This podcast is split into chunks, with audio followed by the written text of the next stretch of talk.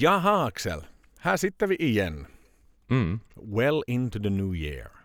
Så är det. Så är det. Har, fat- Lätt nervösa den här gången också. ja, har fattigdomsfällan drabbat dig nu i januari? Jo, det hade nog. Dessutom var jag klantig och lämnade inte...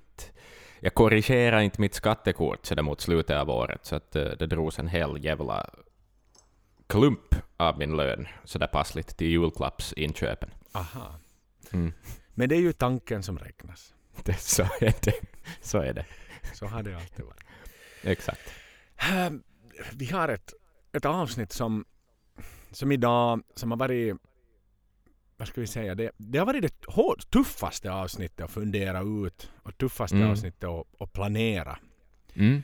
Jag har känt en riktig press, som pre, enorm press på det här avsnittet. För, för, det är ju liksom inte sådär varje dag man tar det här avsnittet. Det här är väl kanske Nej. ett av de största avsnitt vi faktiskt ger oss i kast med.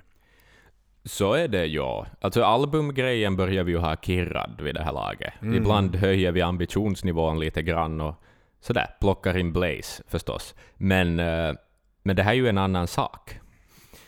Det är ju det. Det är ju det. Och, och jag menar han, han är alltet. Mm. Han är, vad, vad är det man... Han är himmelen, han är havet, han är marken, han är... Någon, jag minns från Exakt. skriftskola. Ja, det fanns någon psalm eller någon sån där konstig sång. Exakt. Ja, Mm.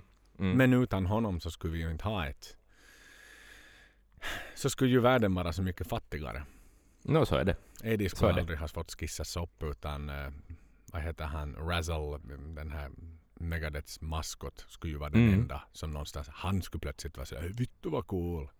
Exakt. Ja, Vic ska Razzle in- heter han väl. så är det. Vi skulle ha en Megadeth-podd istället. Ja, ja men exakt. Exakt sådär så.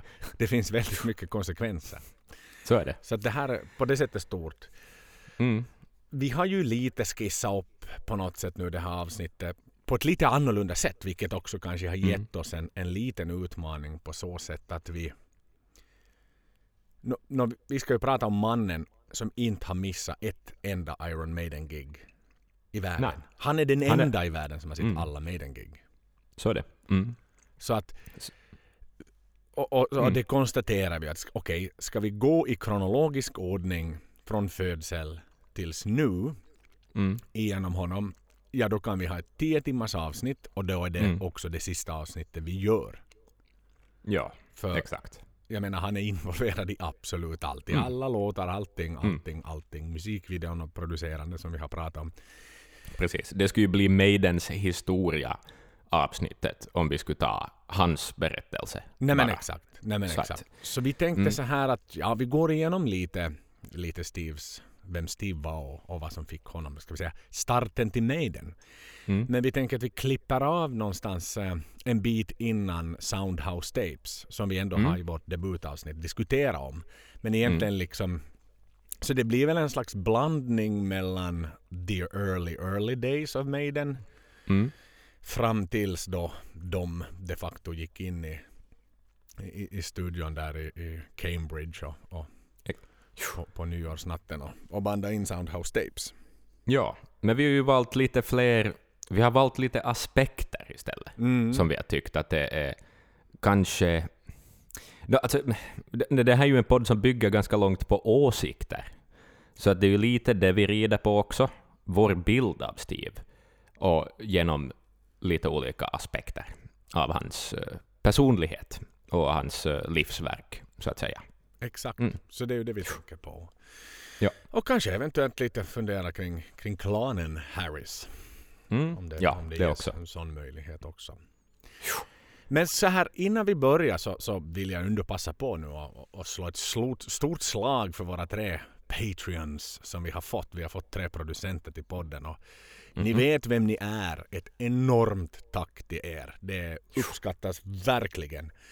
Och Ja. det finns utrymme såklart för fler Patreons så Mm. in på patreon.com slash maidenpodden. Det finns också en länk på Instagram bio för hur ni kommer dit och, och, och joina oss där. Eh, Vi är, vi är som sagt oerhört tacksamma för varenda liten slant vi kan tänkas få. Herregud, ja. Alltså bara det att vi har tre tyckte jag var liksom eh, overkligt. Ja, men det Eh, Vem, vem i helvete skulle betala för det här var liksom min första tanke. Men, eh, uppenbarligen, så det värmer ju nog faktiskt. Ja, Tänk att vårt skitsnack liksom får folk att ge oss pengar. Ja, det är skitkul. Det är faktiskt kul. Och att vårt skitsnack öppnar en sån dörr så vi får prata med Blaze. Nå, det också. Så Det också. Faktiskt. Det är ganska kul att snacka skit. En annan liten shout-out innan vi börjar på är också att vi nu då i, vi, ska, vi sa det i vår, vår lilla hälsning på Instagram. Eh, vi har som ambition då att eh, innan, väl innan uh, Maiden Ullevi-konserten Mm. göra en live, göra ett försök att göra en livepodd och en slags sammankomst, en samling tillsammans med Maiden IT. Jag vet att det brukar alltid kvällarna före brukar det vara, ska vi säga mera pubkvällar och sådär. Så där vi- vill vi inte vara liksom och konkurrera med någon trevlig rockbar i, Göteborg som till exempel, vad heter stället vi var på förra gången? St- Sticky Fingers. Sticky Fingers lär ju ha något Mm. och säkert något tribute-bands etc. som spelar där. Plus Exakt. alltid, alla vill alltid ha möjligheten att kanske se Janik Gers på en Irish bar. Precis. Eller se Dave Murray ramla av en barstol någonstans som han gjorde eh, innan Seventh Sun revisited turnén i Stockholm på Friends Arena. Mm. Så det, den, det, vi vill ju inte liksom ta bort den möjligheten för er att få se, få se dem. Så därför tänkte vi att vi gör det här samma dag som konserten är men i god tid innan eh, dörrarna öppnas så att det inte blir någon panik så där för, för folk som har ståplats. Och folk som i allmänhet vill gå dit i god tid och, och se på Vi kan- Airborne och vem som nu använder den där. Precis. Vi kan ju kalla det typ en brunch eller något sånt. Exakt. Mm. Så vad vi egentligen ber om hjälp nu är att eh, om ni känner till någon lokal, någon bar, någon hotell, lobby, vad som helst. Ett ställe där vi kunde hålla till, där hyran inte är sjukt dyr eftersom det är våra Patreons förhoppningsvis som ska bekosta det. Så, så att, eh, men det hade ju varit så förbannat kul att ha Mm. ett ställe och ha en, köra lite livepodd, förstås sända den på, på sociala medier också för er som inte kan medverka. Men, eh, Mm. men att träffas, ta en öl eller vad, vad man nu väljer att göra. Och snacka lite skit, lite uppsnack inför Legacy of the Beast på Ullevi. Precis. Yes. Så att kontakta oss hemskt gärna på, på maidenpodden.gmail.com eller genom någon annan av våra sociala kanaler eller vår grupp på Fejan så, där, så, så tar Mm. vi tacksamt emot alla tips som bara finns och, och dyka på det. För ju, ju förr ju bättre som det brukar heta. Sen en sista fråga. Jag vet att när vi har pratat musikalbum och när vi har pratat ja, primärt liksom, ja, musikalbum då. Mm. Så brukar vi alltid ställa frågan en, när vi gör nästa avsnitt. Står Mm. du för vad du säger? I, står du för det du sa förra avsnittet än idag? För vi fick en liten kommentar faktiskt på Mm. Ja, att vi har Instagram. dissa, vi dissar somewhere in time mer än vad vi dissar liksom Virtual, uh, Virtual Eleven. Och det, då jag läste den kommentaren så jag kände nog någonting. Alltså sådär att väntas nu, är det här helt rätt? Men mm, ja, alltså nog står jag för det. Alltså säkert färga, färga Blaze uh, person av sig på hur jag har lyssnat på skivan och sådär. Uh, men inte är det dåligt inte. Mm. Så, liksom, nu, står jag, nu ska jag säga att jag står för den. Ja men samma för mig och som sagt det här Ja. var min, min andra Maiden-skiva jag, jag hade. Mm. Som jag redan var inne på och eh, jag tycker om den här skivan. Jag, jag, kan, jag vet att det här är säkert liksom den mest hatade skivan bland alla fans. Sådär, om man, för det finns ändå många som Ja, försvarar. X-Factor på något sätt. Precis. På något Ja, banalt, men det är väl mer att de första- de- sätt. Men de försvarar väl Steve, det är ju det de gör. Mm, det är det de, ja exakt, hans Ja. mörka skilsmässa. Och det här är då liksom någonstans så här, det här är det roliga Maiden fast med fel sångare så att säga. Jag Mm, tror att många mm. anser. Men, men äh, nej, jag står också till 100% bakom min åsikt och, och, och ja, somewhere in time står jag också för vad jag har sagt. Mm. Så var den liksom avstädad där.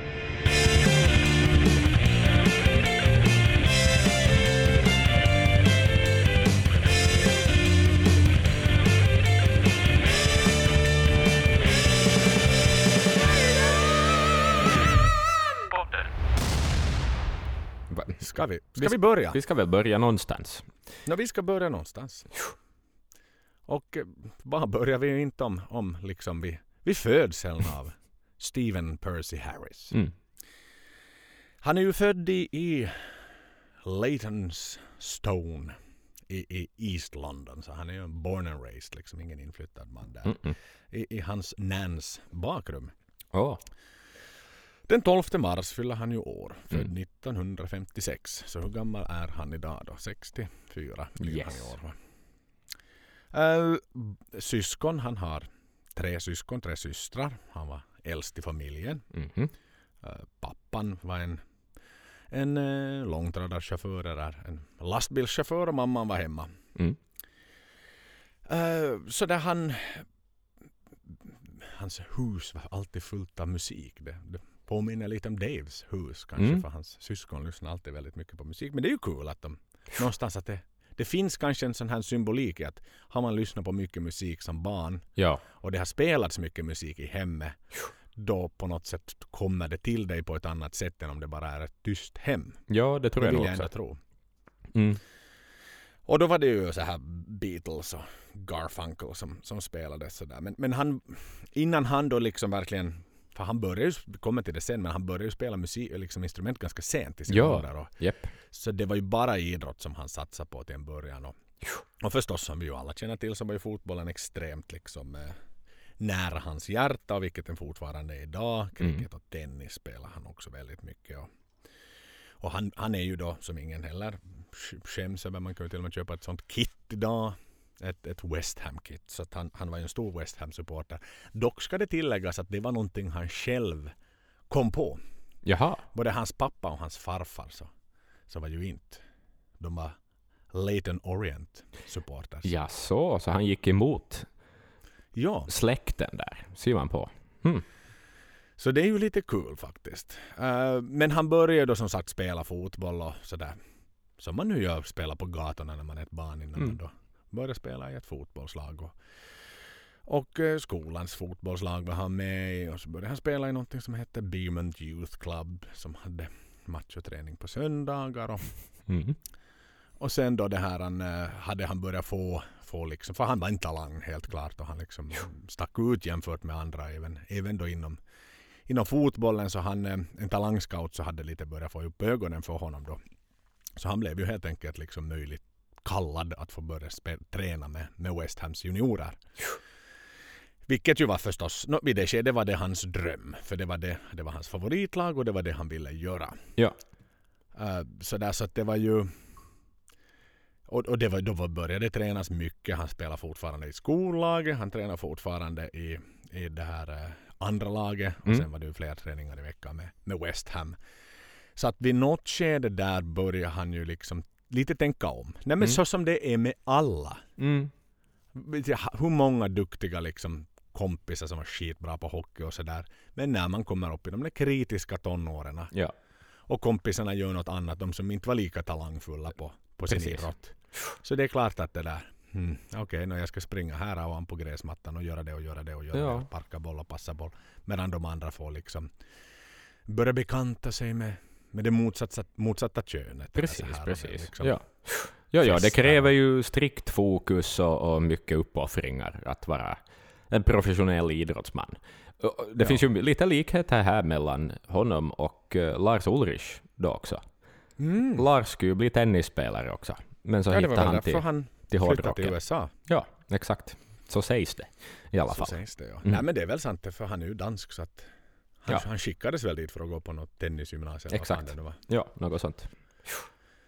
Men hur som haver då liksom, så han, han fattade då beslutet att nej, nej. Det var Nej. min dröm, men det var inte längre min dröm. Nej. Och, och han fick faktiskt där liksom, föräldrarna var inte, det finns ju sådana som föräldrar förstås som typ förbjuder barnet från att sluta. Yes. Men han hade ändå den liksom stödet hemifrån att det var sådär, du, är, du gör vad du gör så att säga. Så, Nå, i och med att hans pappa och vad det nu var inte ens supportar laget så kanske det var lite lättare. Exakt. Mm. Nå, vad var nästa dröm då? Vad gissar du på? Eh, musik. Yes, jackpot. Sådär rockstar. Men Ja. det där är ju igen kul för det var så här, okej, if football didn't work out, då Mm. kan man ju säga, okej, vad är nästa på min bucket list? Men i det här fallet så, så här football worked out. Ja, sant. Och eh, så, igen, bara nu med facit på hand för att liksom ta en stund och reminisce. Mm.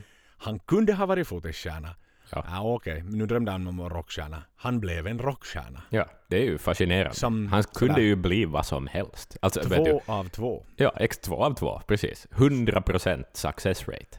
I världens mest kom, liksom konkurrensutsatta yrken. Ja, eh, precis. Så herregud, sjukt. Ja.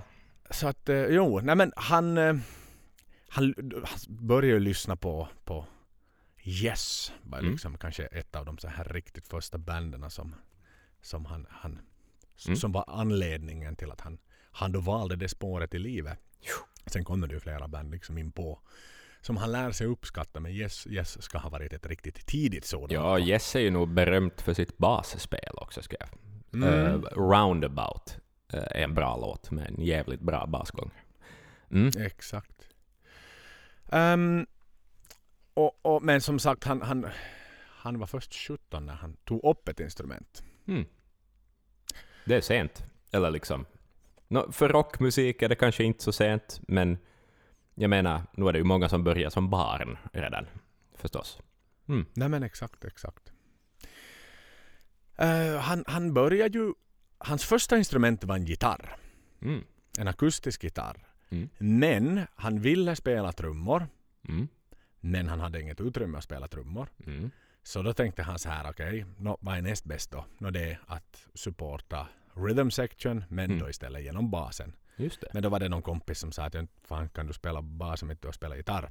Mm. Så då köpte han en akustisk gitarr och så kom han ganska kvickt på att "Nå, inte, inte var det här riktigt min grej heller inte utan det är ju basen jag ska spela. Så jag, jag skippar helt enkelt att hoppar fram tills jag helt enkelt får, får börja spela bas direkt. Vilket Mm. då Ja, värld, men värld, det finns för mycket sådana semidåliga gitarrister som har blivit basister. Så att, där men tycker jag. Steve, Steve gjorde rätt val där.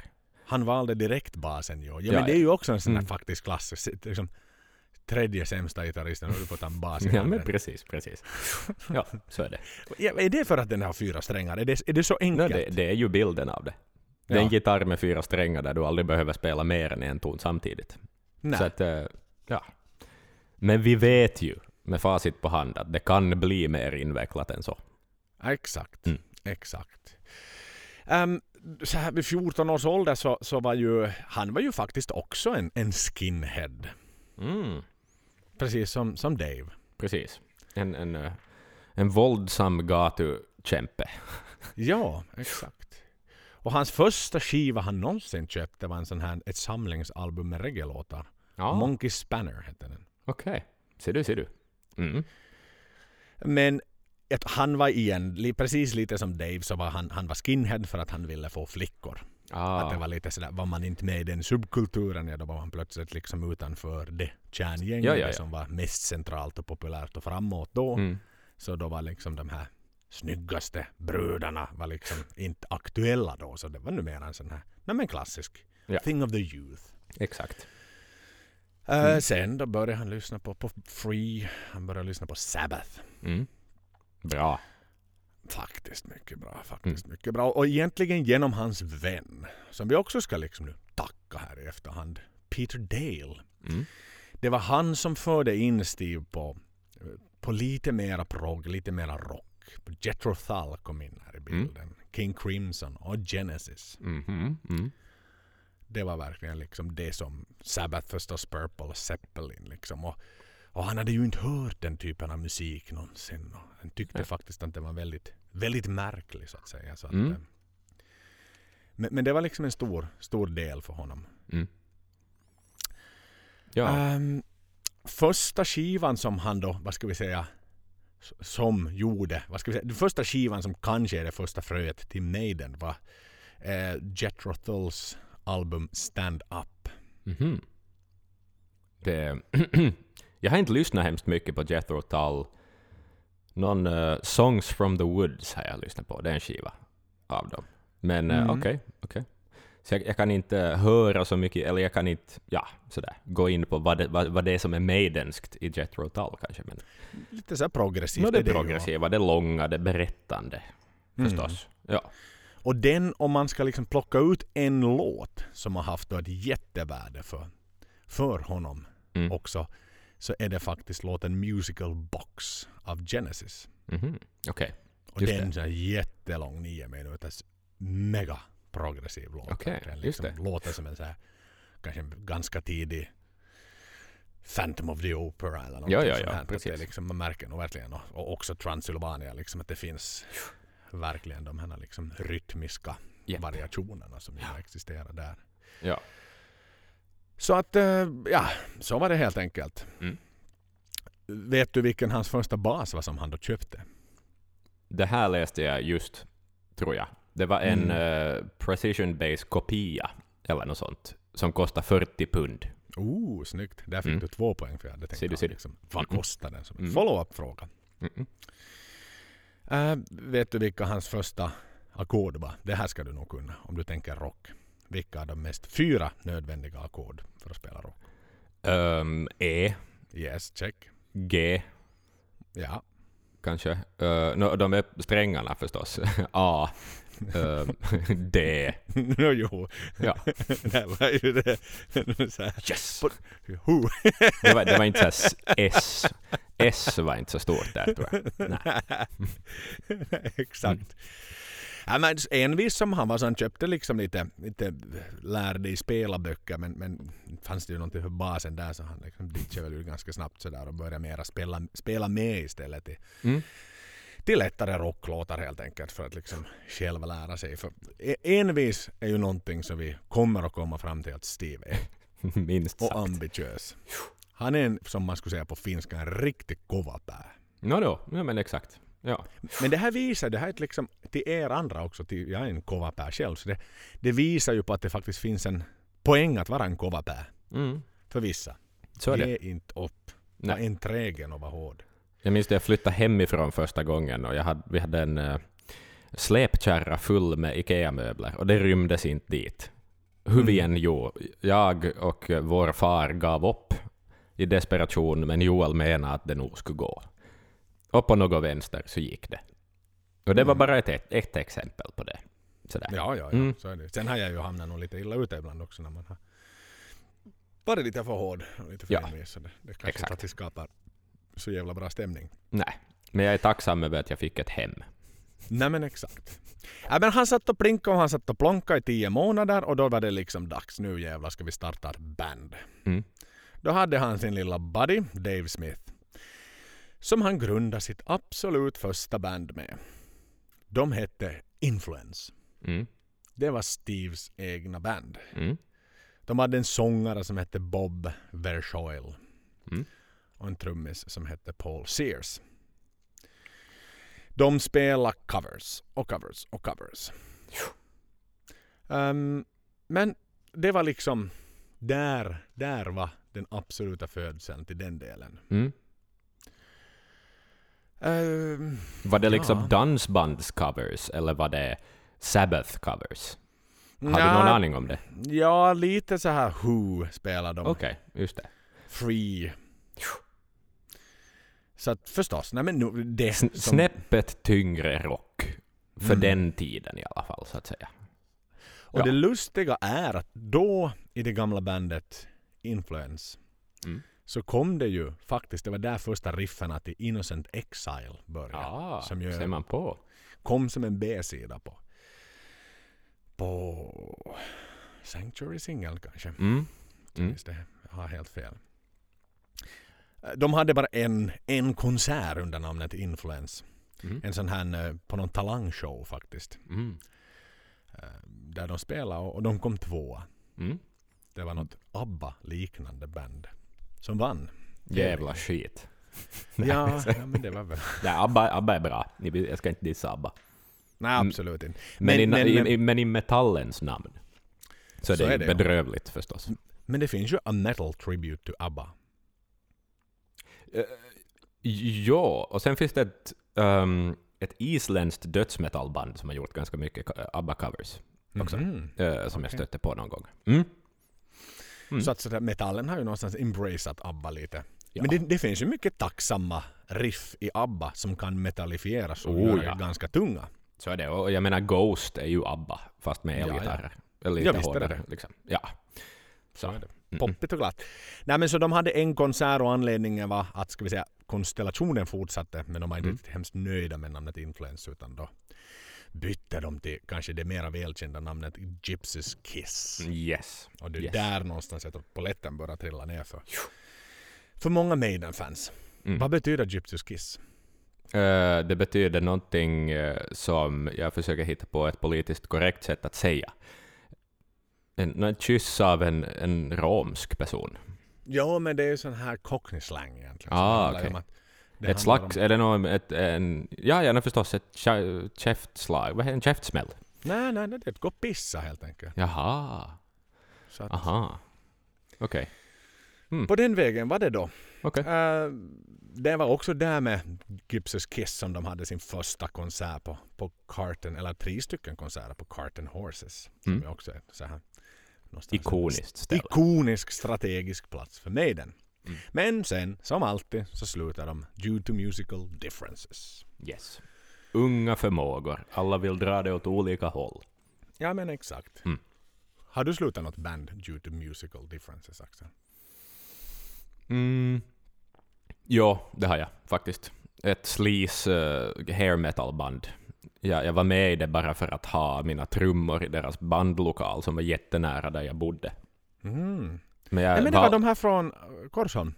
Ja. Eh, nej, det, var, det, det, det var inte de. Där, därifrån fick jag kicken. Nej. Ja, Gang Ho eller vad heter yes, Gang Ho hette det? de. Har du fått kicken därifrån? Jag fick kicken därifrån. Due to Eh, musical differences? Due to musical differences. ja, exakt. Men det var ett annat sleazeband som, eh, som jag slutade i sen. Aha, okej. Mm. Ja. All right. Så det, din musical difference liksom är inte i favör för sleaze rock? Nej, nej, nej, det är den inte. All right, all right. Mm. Nej men då stod Steve där, bandlös och ensam. Men Mm. med fingrar som bara liksom, som hade ADHD. Mm. Så att han, då ville han liksom, tänkte han om, aha nu grundar jag inte ett band utan nu hoppar jag in i ett band som är lite mer avancerat än vad jag är. Mm. Så kan jag lära mig. Igen, Smart. jävligt sluggt och jävligt Jättesmart tänkt. För att då har jag direkt press på mig. Det är liksom, Japp, så då börjar han ju ett band som också säkerligen är bekant, Smiler. japp. Eh, de var ju ganska etablerade redan då, Smiler, för de var ju betydligt mycket äldre Mm. än vad Steve var. Så att eh, helt enkelt hoppade han in där och så här, musikgenremässigt så var det lite Wishbone Ash-aktigt Mm. aktigt stuk sådär så. Mm. Känner du till Wishbone Ash som band eller är det bara ett namn? Uh, alltså någon låt har jag väl hört, men, men jag har förstått att de eh, gillar eh, gitarrharmonier också. Sådär. Lite som Thin Lizzy också. Sådär. Var lite pionjärer inom den grejen inom rocken kanske. Mm. Ja. Nåväl, några konserter in där så, så valde trummisen att sluta för att de, de blev ganska seriösa och de fick mycket konserter vilket betydde att du måste låsa upp dig som Mm. medlem mycket mer och det hade då trummisen inte tid med så då sökte de efter en, eh, en ny trummis och, då anställde Smiler en ung grabb vid namn Dog Sampson. Ah, ser man på. Så nu Just börjar vi någonstans liksom närma oss. Ja, någonting här. faktiskt. Tänk, Så det vet vi ju nu. han by- planeterna står i linje här nu. Jajamän, och han Mhm. bygger ju sig ett nätverk, unga Steve. Ja, ja. Han Exakt. börjar liksom ha den här, har lite koll, kommit lite in på East Ends pubrockscen. Mm, precis. Känner liksom att han, han lyssnar på rätt musik i hörlurarna och han Mm. liksom umgås i rätt kretsar. Så det är ju lite spännande. Mm. Ehm, det var väl då också Steve började tänka lite på att hmm, kanske man skulle börja skriva någonting själv. För Smiler Mm. började också skriva lite egen musik och då var det att ja, kanske jag också kan bidra med någonting. Och, eh, de hade väl, det var en av bröderna som sjöng Mm. i Smiler och de var väl gitarrister så här primärt och, och vokalister sekundärt. Just det. eftersom de började få lite traction så, så behövde de hitta en riktig sångare och då satt de i, i, i gamla gode Melody Maker då som är den här. Mm. Det är ju också Tid- någonstans- Tidningen. Yes. Nu börjar det liksom sugas ihop så nu kan vi liksom plotta ner i vår lilla polisutredning vilka vi kan liksom kartlägga Steve småningom Exakt, precis. och följa honom. Så att i Melody Maker så sökte de efter en sångare och då fick de en, en annan, ett annat bekant namn som joinade Mhm. Smiler vid namn Dennis Wilcock. Mm, mm, mm. Ser du, ser du, ser du. Så att eh, således där. Och då var det också i samma veva som, som de så att säga, fortsatte med, med Innocent Exile och tog den vidare. Mm. Och sen kom det också eh, Burning Ambition kom in. Förlåt, Mm. Innocent Exile är ju med på en skiva för fan. Det är Burning Ambition jag blandar med de två. Just det, just det, just det. Som är med ja, på ja. B-sidan. På Running Free ska det tilläggas. Dessutom. Ja, bra. Men i alla fall, där redan så pass tidigt föddes liksom materialet till någonting som än idag spelas av Maiden. Ja. I Tänk. vissa fall sådär, men i alla fall av fans lyssnar Och på. vilket år talar vi nu? Är det 1974, 3 någonting? Jag ska plocka fram min lilla karta här så att jag är helt Ja. med i matchen. Smiler var just exakt 74-75. Just det, precis. Mm. Så Just det, ja. eh, Jag har mitt lilla familjeträd jag tittar på här ibland. Det är bra. Eh, Joel sitter alltså... eh, När han har massa litteratur där vid sin mick. Så att det är... Det är nog professor Brink här nu. Som, ja, exakt. som exakt. lär oss. Ja. Ja, det är ju det. Och sen ska det ju tilläggas att så här mycket igen. Det finns mycket böcker skrivna. Loopy har skrivit böcker och, och nätet är fullt av kommentarer och forum. Och det är liksom early days DVDn ligger Mm. till stor del också för för eh, Gratis min- påtittning. Ja, och till min källhänvisning. Men, men Run to the Hills, den officiella biografin, är väl nog någonstans liksom the holy grail of wisdom. För det är ju den som är verkligen den officiella autobiography. Så att man kanske inte får snaskiga detaljer. Men man får fakta på bordet i alla fall. Ja, ja, ja. Så är det. Så är det. Så Exakt. således liksom håller jag den i den här podden för vi vill vara lite, lite objektiva och duktiga på något sätt. Det är historieboken. Nej men exakt. Mm. Hur som haver då så i Smiler och när han då kom in med sin, sin musik Mm. så möttes den med ganska mycket kritik. För den var för Mhm. svår. Det var för mycket Mm. time changers i den. Mm. Och det var väl då han kom underfund med att fan, inte de har ju alls taggade att spela den här musiken som jag har tagit fram.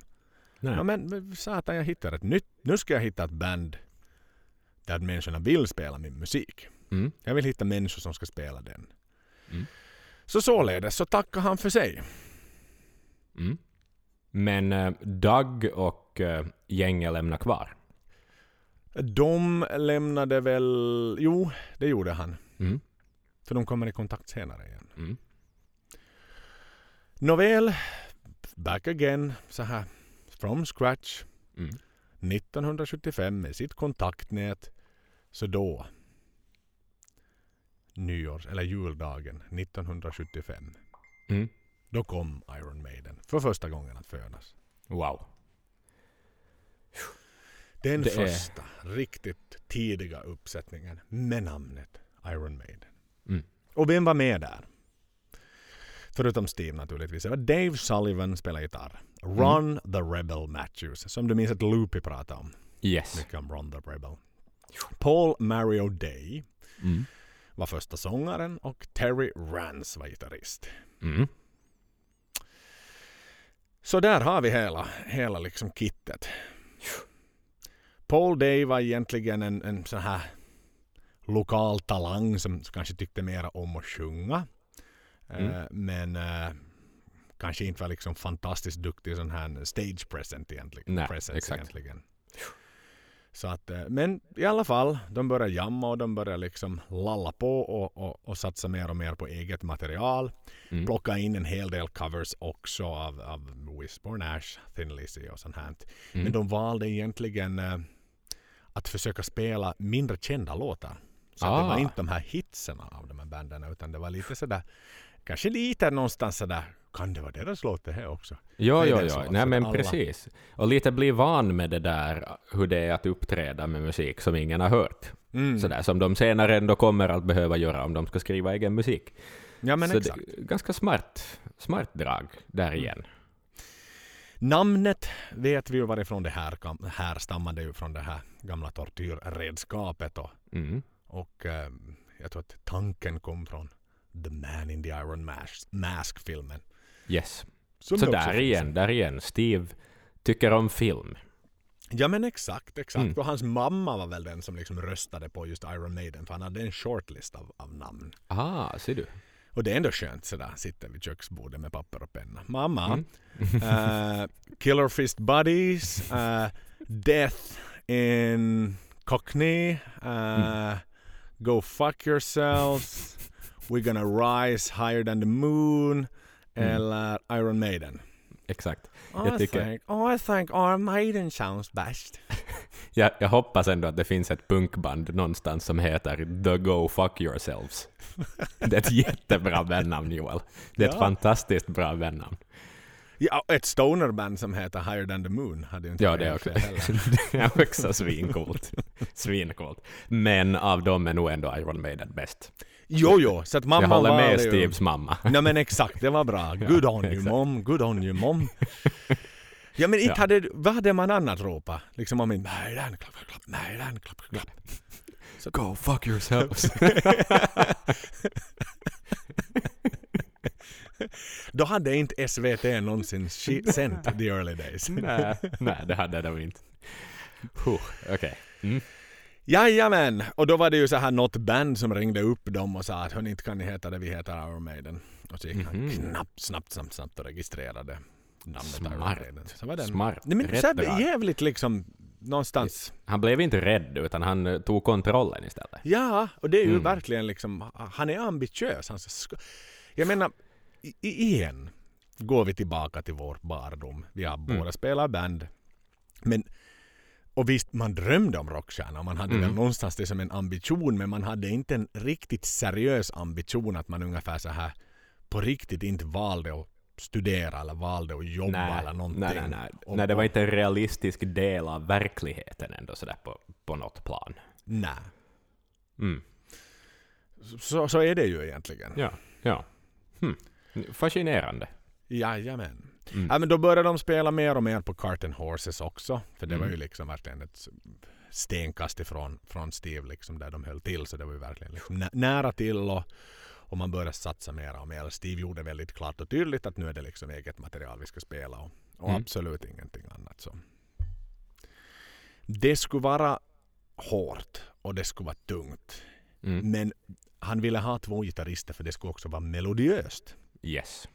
Och så här än igen, 1975, 76 kanske vi är inne på nu. Ja. Det är ju det som Maiden är idag. Melodiöst Ja, det- och hårt. Ja. ja, men alltså tänk ändå på det viset att...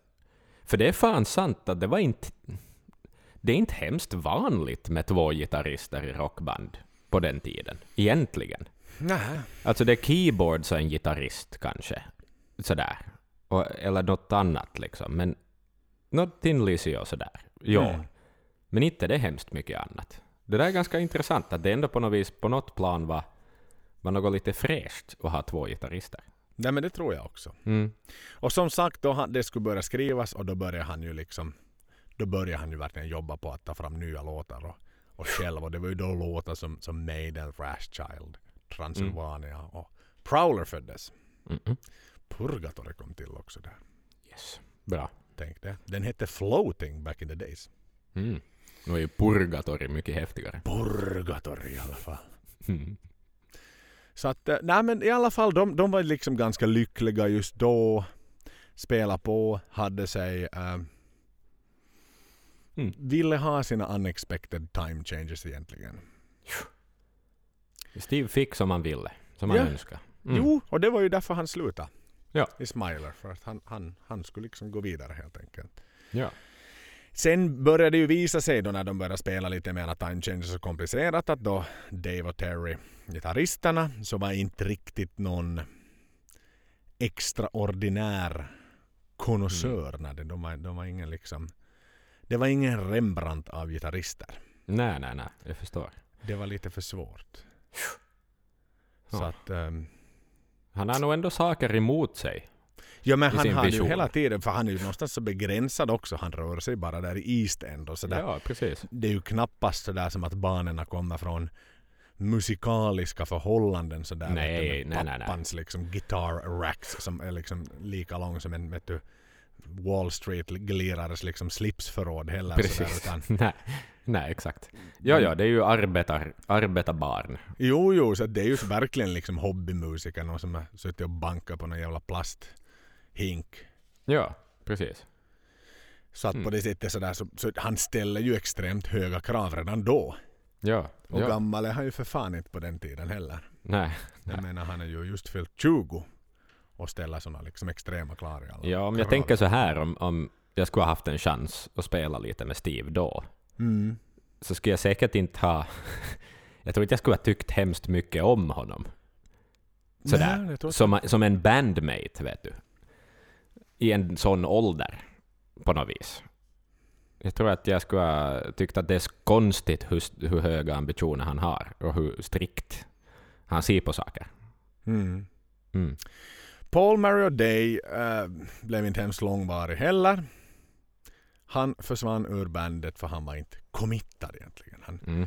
han, eh, men han gjorde ingenting. Han, Nej. han står och snurrar en mikrofon på en scen, var det någon som har kommenterat. Också så jävligt schysst mot sina kompisar liksom.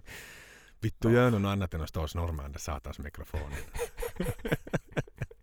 Exakt. Det där skulle ha varit jag då, Okej, i Steves band, skulle jag säga. Mm. står och snurrar med en mikrofon på scen. Kanske inte Ungefär. använder Undrar vad jag ska göra. Ja. Ja, exakt. Så det, är det de ju skulle ha var någon med energi, Mm. röst och stage charisma. Det var liksom Mm. det de sökte och då hittade de ju då Dennis Wilcock igen då. Mm. Som ju var bekant. Dennis. Han var ju en massiv Kiss-fan och det känner vi ju till. Han var ju målad verkligen liksom i ansiktet Mm. när han gick på scenen och liksom, vilket idag igen känns väldigt så här anti-Maiden liksom. Ja, ja, ja. Eller? Målade ansikten och, och sådär. Det som är lite lustigt så här, han höll ju på med ett svärd som han stack ner i Ja, halsen. just det. Det var ju hans grej. Och så hade han någon sån här liten eh, blodampull som han liksom bet sönder i Just det. mungipan. Då var det väl tydligen till och med någon som två kvinnor som svimmade vid scen. Åh, lite eh, sådär Alice Cooper. Ja, ja, på oh, något, ja. sådär. Mm. Som sagt, han var ju liksom, det var väldigt mycket det där i alla fall. Då, som han älskar att göra det. Men okej, fine, Bruce har ju tagit fram svärd på senaste liksom sådär. Och Ja. börjat fäktas lite i, i, i, vissa låtar sådär. Så kanske det är Mm. Apple don't fall, fall far from the tree. Nej, exakt. Som man säger i alla fall. Mm. Eller så värdet faller inte långt ner i halsen. Nej. Och Dennis plockar med sig då eh, en, eh, en gitarrist Mm. som hette Dave Murray. Mhm. Hej, hej, hej. Exakt. Och det var ju då saker och ting började liksom ske på allvar. Dave var ju oerhört kompetent. Vi ska inte glömma Mm. att det var Dave som lärde Adrian att spela gitarr. Nej, Back in the precis. days heller. Så att nu hade de ju en ganska tight, tight det här eh, Mm. line-up. Nåväl. Um, Murray då, som vi har ju varit inne på redan då, han hade ju spelat redan med, med Dennis Wilcock i ett band som heter Warlock. Yes. Och Det var då han kom in på audition helt enkelt. Nå hur som haver då. Då var ju liksom Terry, Rance och Dave Sullivan var ju, var ju då borta ur, ur bandet. In kom Mhm. Bob Sawyer Mm. och Dave Murray. Och om du minns den här, det här lilla debaclet mellan Bob och Dave, när vi pratar om Dave. För Bob var ju i sin tur då avundsjuk på att Dave var en bättre gitarrist och kunde spela med tänderna. Så hade Just de ju det. haft någon konsert när han hade börjat snacka skit om Dave. Mm. Eller börjat kom, konfrontera och härja att liksom att Dave sa att du är fittigt dajo. Jepp, Och, så, precis. och då fick ju Dave plötsligt gå från Iron Maiden. Ja, ja, ja, exakt. Så det var ju också jävligt Det märkligt. var ju jättegiftigt. Ja, Ofantligt giftigt ja. Så att han var ju den första flög ut från bandet igen. ja. Och då var ju då som Dave sen i sin tur började i Urchin tillsammans med vem? Jo, Adrian Smith. Adrian fucking Smith. Ja, ja. Kul vändningar saker tar. Nu är det ju emot dem igen. Tänk, Dave var redan med i Maiden, men nu är han borta. Jajamän, ja men det är ju lite som en, alltså man skulle kunna göra en, en, en ganska bra såpopera om Ja, hela det är här. lite Rederiet, lite Rederiet-manus över det här på något vis. Jajamän. För Bob Några Sawyer... hoppar över till Silverline. Urchin. Exakt. Ja, för nu, av någon jävla anledning så, så är inte Bob med något mera här, men det här är ändå det är Steve vi ska försöka liksom styra. Ja, ja, ja, ja exakt. Ja. Men vi reder ut det här nu också lite grann. Ja. Således då, så nu stod han ju egentligen helt utan gitarrister. Hur som haver, det var ju då som... eh, Ja, då plockar man ju in keyboarden. För det var ju då Steve Mm. kom fram till att haha, vet du vad? Nu ska Mm. vi ha en keyboardist eller en syntspelare. Och då satte han in Mm. sin annons i gamla goda Melody Maker igen. Mm-mm. Steve då, Steve Moore, som han väl hette. Ja. Tony Moore, förlåt. Tony Moore. Så spelar bara en konsert med Maiden. Tänk det. Så bara det. Men det var också, för då hade han ett band som hette Terry Rappen på gitarr, Thundersticks, Mm. eh, Dennis Wilcock på, på sång Mm. och eh, ja, det var gänget egentligen. För de hade Det var gänget ja. ja. Så nu ska vi se, nu måste man liksom hålla tungan rätt i mun här. Det finns säkert Mm. någon där ute som kommer att ryta och sitta och sitta liksom med någon sån ännu mer avancerad. någon som har suttit med så papperslim och klippt på ett sånt här Yes. Du vet typ som en sån här mördare i någon film. Ja. Som har ett helt rum med såna röda, Med röda röda garn. garn ja, ja, som Ja. går från olika och som nu sitter och våndas. Och, och tänker Ja. att vittu vad de här är ute och cyklar. Det här är så light. Det här Mm. är så light. Jag kan berätta vad han hade för favoritstrumpa den där jävla Tony Moore. Det kan Ja. inte du.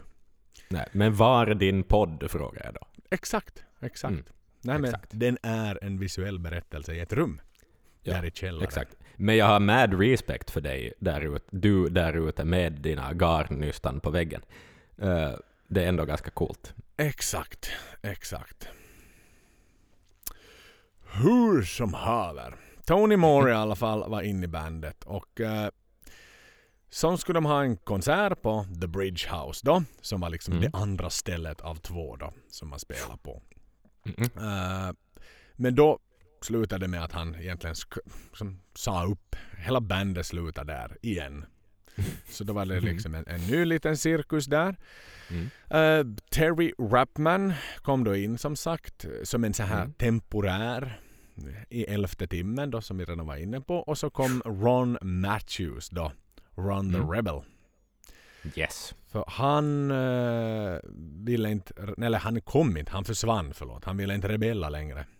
Ah, Så det var då gamle gode Thunderstick kom in. Om du minns han som snodde med sig till Samson, Ides yes. of March.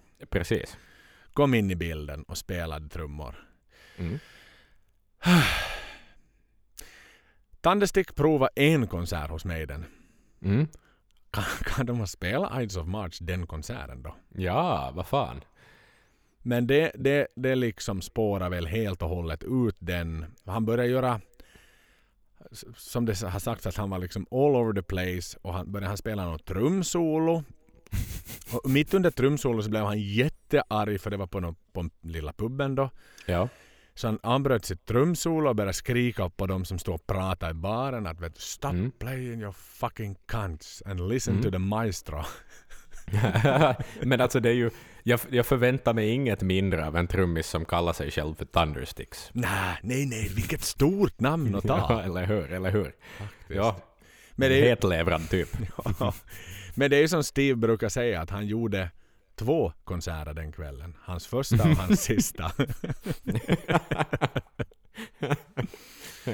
och då var ju plötsligt Dog Samson plötsligt liksom in och då han spelade något annat lite semi-latino-band men det var väl inte riktigt hans tekopp så. Så då kom Nej. han in och han var ju någonstans en ska vi säga förutom Dave då som var ute och hade fått sparken så var han är ju en sån här I den här såpan så blev han ju lite av en stött. Liksom, han fanns med ett tag Ja, i alla fall. exakt. Även om han ju inte Ja. varit med på något album eller så här. Nej, nej, nej. Nej. är ju en- Men ändå en, en vän till Steve på alla sätt och vis. En, en eh, ja, en Sancho Panza. Exakt, exakt. Så han började ju vara med där och han var ju liksom som sagt väldigt sugen. Och, väldigt sugen att hoppa in. Och, och Steve var ju ivrig och, och berättade då till Dennis Wilcox, sångaren, om att hej vet du vad, vi har, vi har äntligen hittat en ny permanent trummis till bandet. Men, men eh, innan han egentligen han, han berättade så kom, kom då Wilcox tillbaka med nyheten om att du vet du vad, jag ska sluta. i, i Maiden. Mm. Mm. Så då var jag, jaha okej, nu vi har just liksom inte haft en trummis och nu har vi hittat en trummis och nu har vi inte igen en sångare. Mm. Så att eh, han hade bestämt sig för att sluta och de hade ju bokat in några konserter redan, jag tror det var samma kväll eller där i knutarna i alla fall. Och, Mm. och då går de liksom och till och med och knackar på sådär. Eller han kom inte, han kom inte till konserten. Så då gick de runt hem till honom då, Wilcock för att säga "Nå, men är han hemma? Men, men då var han sådär att nej, inte tänker jag komma och spela med ännu mer. Jag inte. Mm. Så han ställde inte ens upp på den där bokade konserten i alla fall. Och, då spelade de konserten utan honom. Och inte den klassiska där Steve sjunger. Ja, exakt. Ja. Det finns ju en berömd spelning Mm, som vi har hört om. Ja. Och då drog man ju någonstans i handbromsen så här i Maiden och var sådär att okej, nu har vi då som vi kan konstatera hittills haft en såpopera väldigt länge och det har Mm. varit sånt satans bytande till höger och till vänster med allt och alla och folk slutar och folk är inte committade och folk tycker det är fel spelstil och det är för svårt att spela den här Mhm. musiken etc. etc, etc. Så då tog man liksom en konstnärlig paus egentligen i det här fallet då. ja. Eh, Fundera igenom vad man vill. Yes. Men det är ju som ett förhållande det här alltså. Mhm. På något vis. Ja. Så det man var, eller det man liksom, man hade två mål. Mm. A, vi ska get the basics right. Nu Mm. ska vi lära oss spela tillsammans. Och då var det ju som sagt eh, Dave och det var Dennis Stratton. Så de har en trio nu då. Mm. En gitarr, en bas och ett par trummor. Mm. Eller par, par trummor. en trummis. Två tommar, inte något mer. Nej, exakt. Eh, och sen ville man då hitta en sångare som på riktigt håller måttet och är Mm. committad och ser, och ser rock'n'roll ut. Mm. Och då, då som sagt började man skriva ganska mycket låtar eh, med Dave May bandet och så här och man då som sagt man jobbar på den saken och det var då låtar som Prowler, som Iron Maiden, som Ra- Raft Child Another Life, Innocent Exile, Sanctuary, Transylvania, Purgatory och Drifter liksom verkligen tog sin Maiden-skepnad. De fanns ju i, vissa låtar fanns i någon, någon, någon form innan men Mm. men i det här fallet så började de verkligen liksom Maidenifiera så de hade tålamod. De, Mm. de, de kastade inte sig i säng med första bästa sångare utan de, de testade en hel del och de liksom gick väl och träffade en del och sådär. Mm. Men ingen som riktigt klickade egentligen. Nej, just det. Så att hela sommaren och hela hösten 1978 så spelade de bara på tre man hand helt enkelt. Då. Mm. Så gick ju så här på puben emellanåt och, och hade det lite trevligt i alla fall. Och då var det någon, nå- någon, någon, något evenemang som hände på The Red Lion, som puben Mm. hette. Och, och då träffade han... Steve hade någon bekant som hette Trevor Searle. Mm. Och eh, så kom... Det här, det här är så pass bra så det här måste nästan... Det var så roligt sådär. Ja. Då kom Trevor fram till Steve och sa Oj! You're looking for a singer ain't ya? Och Steve var sådär Yeah, what about it? Så sa Trevor där Well, I got this mate of mine. He's a bit of a singer. Och Steve var sådär Oh yeah? Well, we're all a bit of a singer mate. Eller hur? Trevor kommenterar No, this bloke really good. Sen kommer Steve och säger Well, what's he look like then? I bet, I, look, I bet he looks like shit don't he? Trevor svarar No, he looks good. och då liksom Steve, oh fuck it. Kan, vi få, kan vi få träffa honom? Mm. Men, men så jävla skönt sådär. Kan han sjunga? Ja, ju, han är helt okej. Ja. Då är han säkert ful. De måste säkert vara ful. Jag tycker det är så jävla underbart. Och inte Ja. ju Maiden kanske kända för att vara liksom skönhetsdrottningarna Nej, de är ju inte sätt. poison om vi säger så. Nej, exakt. Att vi måste ha en vacker sångare. Ja, ja. Men det är klart att det Men har nu en är viss det appeal. viktigt. Ja, ja, ja. Nu är det viktigt. Herregud vad Som det är viktigt. frontman. Tyvärr, tyvärr är det Ja. viktigt. Ja, ja, nej, men det är ju... Hur många band har jättefula? Hur många band har sångare som ser ut som shit? Nej. Inte Nej. kan jag komma på riktigt Nej, någon. nej. Nej, för de har, inte slagit, de har inte slagit igenom. Nej, det är showbiz. Det är liksom, det, det är som det är. I alla fall. Paul får komma på audition. Mm. Paul ska sjunga Dealer av Deep Purple. Mm. Steve kunde inte men Dave kunde den. Mm. Ska vi lyssna lite på Dealer of Deep Det ska vi göra.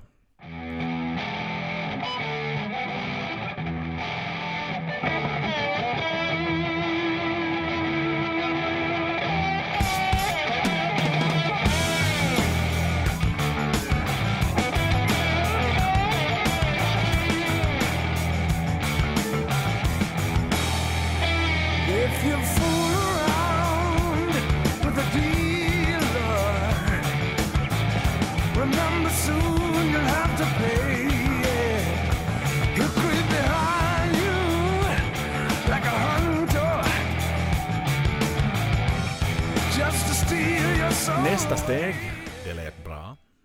Det var då att de började öva lite på, på riktigt Maiden-material. Han skulle sjunga Iron Maiden, han skulle sjunga Prowler. Mm. Och då fattade de beslutet. Yes, Paul Diano, the man to go. Mm. Och med det så tror jag att vi kan, för den här stunden i alla fall, så att säga sätta ett litet slut. För, Ja. för nu börjar vi ha en ganska solid lineup. Visst, det ska till en gitarrist. Som ju ändå inte är krediterad på Soundhouse Tapes. Så vi Nej. kan liksom skippa den delen. Men nu Mm. är gänget som spelar på Soundhouse Tapes är samlat. Men, och vad kan vi säga om, om det här då? Det verkar ju tidvis som att Steve hade en fullständigt galen plan. Alltså med tanke på hur, hur dåligt det gick. Mm. Det gick ju inte lysande alltså. Nej, verkligen inte. Uh, skulle jag ha varit han så skulle jag ha lagt ner idén. Eller liksom... Jag skulle ha blivit så sur över att inte det blir till någonting. Med någon. Hela ja, tiden. exakt. Precis. Att, men ändå att fortsätta tro på det. Att nej, vad fan, det här ska nog bli till något. Det här är bra, bra kamma, så att säga. Men det var ju Ehm. verkligen så att man, man, ena tavlan fick man upp, då ramlade den andra ner. Mm, ja, exakt. Liksom, det måste vara så ofantligt förtvivlat. Liksom. Ja, ja. Han hade ju nästan aldrig en full line-up. Det är som det där man väntar på rätt pokerhand, men det liksom kommer bara fel på något Ja. vis. Men i något skede så är det liksom du ett kort ifrån full hand och sen bara ramlar alltihopa på något vis. Mm. Ja, fan. Nej, men han, alltså det, det måste man ju faktiskt liksom envisheten igen där och att Mm. han, han trodde så stenhårt. Han hade gett upp sin fotbollskarriär för att bli Mm. rockstjärna. Det var aldrig något mitt emellan Nej. att han skulle bli en framgångsrik banker eller framgångsrik någonting annat. Utan det var verkligen full, full steam ahead till att bli rockstjärna. Så det är väl någonstans då envisheten i hans vilja som Steve Mm. verkligen liksom, som man ser. Jag hade inte orkat fortsätta. Nej, nej, nej det är nog. Mm. Han måste nog ha trott på det något förbannat. Men, men, och ja, men det var ju en tid då... Ja, alltså det är lätt idag att säga att man skulle ha gett upp saker. För att det finns så mycket hårdrock och sådär. Men att kanske det liksom var att den där idén om Iron Maiden var så pass pionjärsartad. Mm. Så att han liksom litar på det så mycket att det, det, det finns plats för det här bandet. In, någon har inte riktigt gjort det här förr. Att det är lite Tin Lizzy, men det är lite hårdare, det är lite farligare, lite tyngre. Eh, Så, och det ska ju tilläggas att det var ju folk på konserterna när de hade konsert. De hade ju liksom Jo, fått traction och börjat få en fanbase också. yes. Så Ja, folk exakt. visste vem Maiden var i East Ja, de spelar inte för 12 personer och en hund. liksom. Nej, nej men exakt som man ju själv har gjort Precis. på den berömda Som lämpare för Stratovarius. Nej men exakt, för då Ja. kan jag ju förstå att okej kanske det här inte riktigt flyger men gänget Nej. gillar ju, alltså folk gillar ju att lyssna på Maiden. Jo, jo, jo. Ja. Så det, gav väl, det är väl en sporr, det får man väl ändå ge. Alltså om man själv ser att du då Axel Brink som Mm. den envise ägaren till ett band. Mm. Du har ändå fullt hus och gänget verkar inte bry sig att det liksom är en ny gitarrist där varannan gång och Nej, någon annan nej. som spelar trummor. Även om du har en trummis som, som säger att jag är maestro, hej och hallå. Så verkar folk hålla sig kvar. Var det Steve då och de låtar som ju då sedermera kom att bli Maiden-låtar. Mm. Att de var så starka och det var det människorna Ja, ville höra. Ja, folk ville höra musiken. Mm. Ja. Det är nog, ja, solid point. Mm. Sen har ju hans envishet kanske inte alltid fallit honom riktigt i fatet heller. Mm -mm. Och då tänker jag väl kanske just på händelsen om vi skip forward many many years från, från det Ja. vi har pratat om nu senast. Det vill säga när, när året blir 1999 och eh, Ja, Bruce exakt. börjar fundera på att komma tillbaka till Maiden. Så var han ju verkligen liksom, han, han ställde sig verkligen emot det. Han Ja. skulle inte, är den nya sångaren. Han ska inte ha tillbaks mig. Han ska inte ha tillbaks Bruce. Har du lämnat så har du lämnat. Ja, ja. Där tror Det är jag... lite för principfast alltså. No, Det- det, jo, det, ja, där tror jag exakt. ju nog att Rod och, och, och andra i management på något sätt, inte kanske så dollar signs i ögonen, även om jag tror att de gjorde det, men att det var Mm. inte det de sa. Nej. Men de såg ju nog en liksom, jag såg någon, någon eh, intervju med Bruce när han då, de hade just bandat in Brave New World och han var med Mm. i Sen kväll med Luke. Just det. Kom upp i mitt flöde och eh, som den ju gör. Mm. Exakt. Bruce Dickinson från Ja. 2000. Men i alla fall då så, så liksom frågar ju han också Bruce att varför kom du tillbaks till, till Maiden efter att du har slutat Mm. 93? Så var det så här, "Ah, för att vi har ett uppdrag att göra Maiden till världens bästa hårdrocksband igen. Mm. Så att va, det var det. väl kanske deras mission sådär att då hade de ett uppdrag igen. Mm. Ja, precis. Ja, no, men om Steve alltid har tänkt att Maiden först. Mm. Ja, Ja. vilket han ju sa redan då. Ja, exakt. Precis. Ja. Nej, men nu är det ju envist, envist på många andra håll också, som vi vet. Mm. Typ Hoppa på producentskap och lära sig att klippa video och, och liksom Sätt, allt ska han Sign of the Cross som första låt på ett album. Precis, exakt. Ja, ja. Det är nog mycket galna val. Mm. och, och som ett kontrollbehov utan dess like. Men med allt det här i bakgrunden och vad han har gått igenom så har det ju uppenbarligen funkat för hans envishet. Det är väl det han går på. Alltid, på Ja, något vis. Nej men det är ju det, det är liksom hans superpower. Ja, ja. Förutom då att han är en ofantligt duktig och snabb basist och jättebra låtskrivare. Förstås, förstås är han det. Ja, ja. men han måste väl luta sig tillbaka och tänka, men det har ju funkat förr och det har tagit band- bandet framåt. Det har tagit Mm. oss framåt, det har gjort oss väldigt framgångsrika för att jag har varit så jävla envis och hård. Och jag har Mm. alltid varit motståndare till att göra radiohittar även om då Mm. Bruce och Adrian har gjort sina tappra försök att få in någon, någon, Ja. någon, någon list listeetta på radion sådär så, så har det aldrig varit en prioritet för honom. Och sen igen, Nej. fanserna har alltid varit först. Eller först har det varit Maiden, på andra plats Mm. har det varit fanserna. Mm. Och sen Ja. har listan tagit slut. Han har inte Så skrivit musik för recensenter, han har inte skrivit musik för radiokanaler. Nej, han har skrivit det för fansen och de har alltid varit med. Eller Mm. liksom, åtminstone en del av fansen har alltid följt med. Ja, Vart Maiden än har gått. nej men så att- exakt. Ja. Mm. Så att sådär, den envise Steve. The challenge of the beast. Okej, det har blivit dags för Challenge of the Beast igen. Vad trevligt. Steve Harris. Mm, det här kan sammanfattas i bas, fotboll och stora ledare. Det är också, jag har tre frågor åt dig Joel, kring dessa teman. Bas, Har absolut ingenting med. Steve Harris att göra annat än temana i sig. Men det är ju tre teman Mm. som man synon- Exakt, som synonyma. Yes. Okej, men fråga nummer ett på temat bas. Kompositörer som eh, Wagner, Berlioz och Mahler, de har tyckt om bas riktigt mycket, extra mycket bas. Det här löstes med hjälp av en innovation som kom kring 1850 som kallas för oktobas. En speciell sorts kontrabas som producerar extra låga toner. Kan du komma på hur detta akustiska instrument kunde producera så låga toner? Om du skulle dra till med en gissning. Hur få mer bas ur ett akustiskt instrument, det vill säga? Större låda. Liksom. Mycket riktigt. Det här var alltså ett instrument som var nästan tre meter högt, Jaha. till och med över tre meter högt, och behövde spelas av två personer. En som tog hand om greppbrädan och en som skötte stråken. Nice. Mm. Fittigt metal, Fanns det, fin- för en metal fanns. det nog ja. Ja. Det finns sju instrument i världen kvar Aj, av dessa coolt. eh, ursprungliga eh, tillverkade oktobaser. Yes. Okej. Fråga nummer två. Fotboll.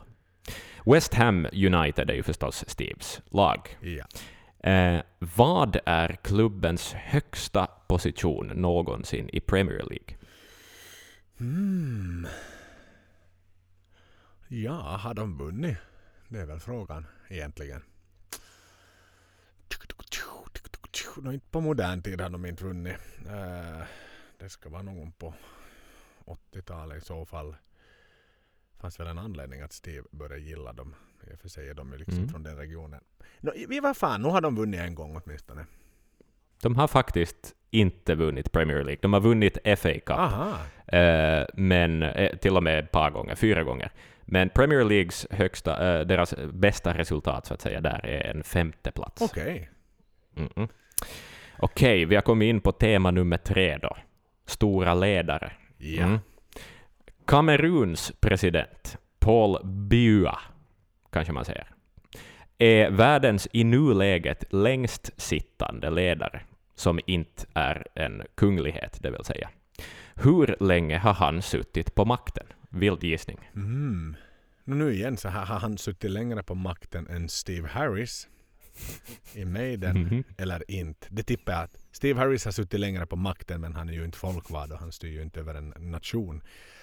Nej. Jag skulle säga att han har suttit sen... Han är ju en kunglighet. Nej, han är en deitet. Ja. 82 ska jag dra till med. Okej.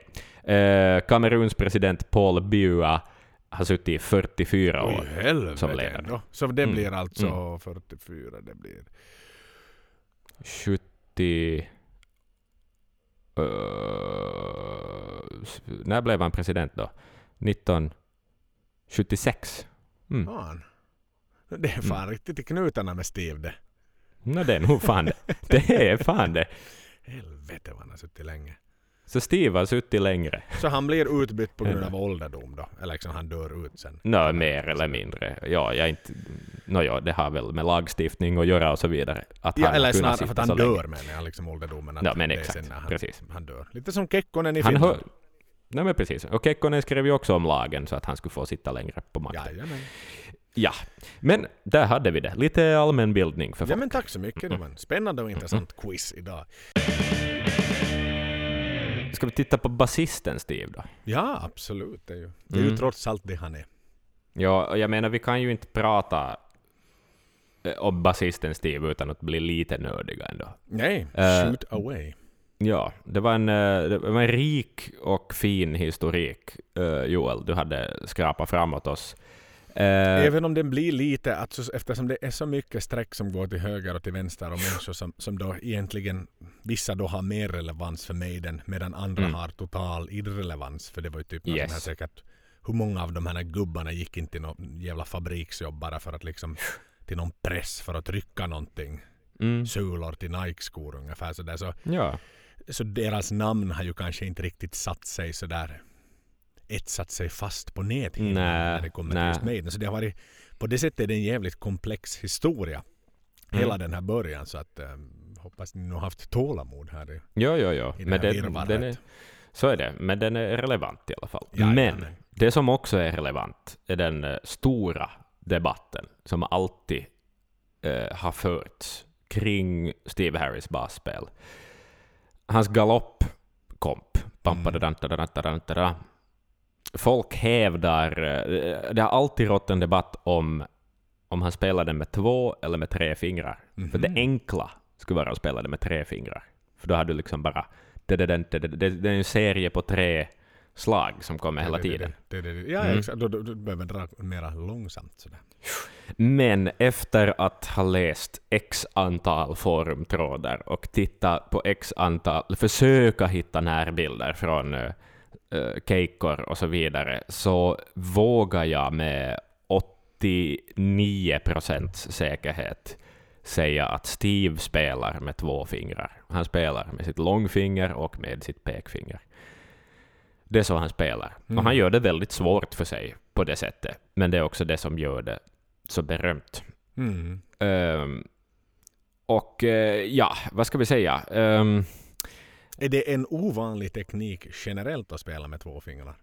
när jag skulle säga att ska jag lära mig på bas med fingrar och spela Maiden så skulle jag säkert spela The Trooper med tre fingrar. Mm. För att det är liksom det där mera muskelbesparande, energieffektiva sättet att spela det på. Men då får du ju inte samma smattrande sound, tänker jag, för han trummar väldigt ivrigt på strängarna, Steve. Uh, återigen, här igen finns en debatt på forum, basforum i världen om, om han spelar hårt eller om han egentligen spelar väldigt sakta. Mhm, men med jättehög Mm. volym. Exakt, Aha. precis. Ja, men jag, jag vågar tro på att han spelar ganska sakta, nog med en trummande stil, men sen har han sänkt strängarna på sin bas väldigt mycket så att de ska liksom slå i um, greppbrädan lite för att ge det där smattrande soundet Ah. som, som ju han är så känd för. Ja, ja, exakt. Ja. Lite Mm. sådär. Inte sloppy, men det är ju inte liksom som en tight strängad banjo. Nej, nej, nej, exakt. Och det, det är inte ett sånt thump, utan det är ju nog mer en liksom... Det, det, Slap, Ja. Lite såhär slap bass. Precis, är det lite, lite ett sånt sound. Liksom skulle jag skruva fram det själv och vara sådär, det här, det här ska jag ha som mitt sound, så skulle jag tycka att det skulle vara konstigt. Eh, han är också en, eh, om vi tittar på EQ-inställningarna på hans förstärkare, så kör han väldigt lite botten, ganska mycket mids och väldigt mycket treble, som också är på något vis väldigt anti-bas på något vis. Mhm. Mm, väldigt intressant. Ehm, motsatsen till Journey. Exakt, precis. Exakt. Ja. Eh, och det är ju för att tävla med gitarristerna, för att den ska liksom cut through the mix med så mycket gitarr på det viset. Eh, vi, vet, vi känner ju till att hans uh, favoritbas är en precision bass av Fender förstås. Ja, Uh, årsmodell 72 vågar jag hävda. Eh, vissa hävdar att den kom senare, men eh, 72 skriver jag under. Ehm, och han har ju nästan alltid spelat på den basen, och den har tagit väldigt många skepnader under åren som gått. Eh, den har målats om, den har haft olika finishes, eh, men han har alltid hållit fast vid den basen. Mhm. Min favoritlook på den basen är kanske den eh, blåa, så lite marinblå, som glittriga varianten som man hade någon gång under 80-talet, jag minns inte exakta, exakt vilka år. Sen var han ju faktiskt också under en kort tid sponsrad tillsammans med Dave eh, Murray för den delen då på Powerslave-turnén var han eh, sponsrad av märket Lado som lagar väldigt eh, högkvalitativa instrument. Eh, så då hade han eh, två baser av dem, Super Falcon respektive Unicorn, och det är Unicorn-basen han har i videon till eh, Two Minutes to Midnight. Ah, som vi var inne på och var lite osäkra på vad tusan det Yes. var han spelade på. Exakt. All right. Men, annars hade det Men alltid då var varit det inte Fender. alls Fender, eller var det liksom sådär att han Nej, det var inte, det var inte alls... Han var Ja, kontrakterad kanske- av, vad hette Jag antar det. Lado. L- Lado heter de. Eh, ja, jag antar att han var kontrakterad och var skyldig till att spela på deras instrument. Men jag undrar vad som så här var anledningen var att det då var under en så kort tid. Eller Ja. att han så att säga sålde sin själ till djävulen just under den tiden. Ja, exakt. Precis. de verkligen, men, men jo okej, det var Powerslave. De pikade så högt då. Det var liksom allt var bäddat för framgång. Ja. Då kan jag, kanske de bara sköt upp ett jäkligt glassigt kontrakt på bordet. Till både Mm. Dave och, och Så är det. Och sen ska det nog vara väldigt bra instrument också. Det är liksom inte, inte på det viset att han fick någon skitbas bara och en massa pengar, utan han fick nog fick riktigt fint instrument fick han eh, att spela på. Men det är ju inte han ändå. Det är ju, det är ju en Fender Precision Bass han ska ha. Okej, förstärkare. Men det är ju inte en Lado. La, Mm. Lado. Nej, Inte en Ladola. Nej, det, Österbottniska gitarrer. Landola. Landola, förlåt. Inte Ladola. Nej, det är det inte. Um, förstärkarmässigt då, folk kör ju Ampeg uh, och sådär, um, legendariskt märke. Det har inte... Det, det var ganska svårt att hitta någonting om vad Steve spelar med för förstärkare. Nej, men det de har ju verkar aldrig haft dem synliga utan de Nej, har ju exakt. alltid gömt sitt, sitt rack. Lika väl gitarrförstärkare Ja, ja, man, också. det är ju Precis. liksom så här, de är ju inte synonyma med ett Marshall-stack liksom. Nej, nej exakt, precis. Nej. Men han eh, spelar mycket riktigt via Marshall-kabinett, gör han. Eh, eh, fyra gånger tolv Marshall-skåp, eh, som han har bytt ut. Jag minns inte exakt vilken linje det var, eh, line av Marshall-skåp, men han har i alla fall bytt ut högtalarna till EVM 12L, som är svintunga, så de där skåpen väger fruktansvärt mycket. Eh, Och eh, av andra basisters information så kan jag säga att hans förstärkare väger betydligt mer än till exempel Ampegs motsvarande storleksförstärkare, eller högtalarskåp. Eh, Stackars sen- Loopy. Just, stackars Loopy, indeed.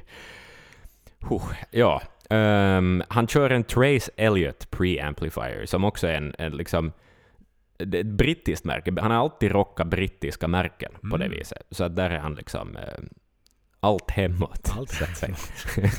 ja. Så att, eh, men eh, Ellen Hivat har han också kört en, en tid.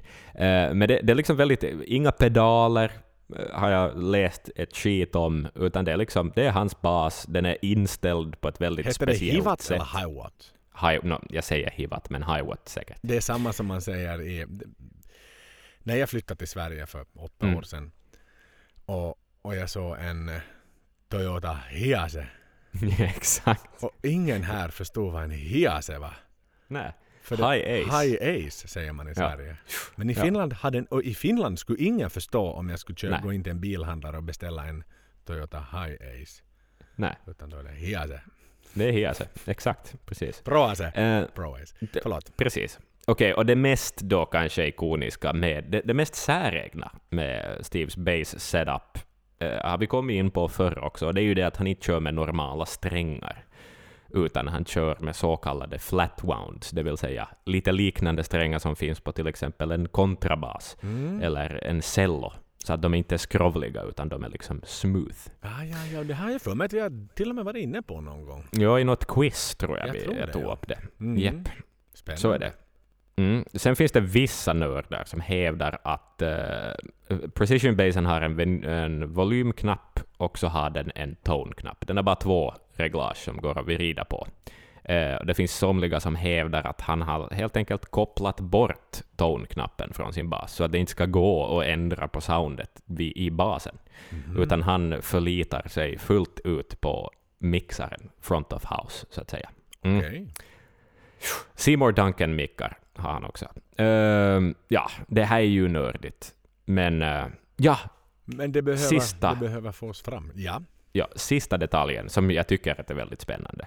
Det hävdas att Steve aldrig värmer upp för en spelning Mhm. och att han sätter till exempel kalk på fingrarna för, då han spelar. Aha, som att gå på gym. Mm.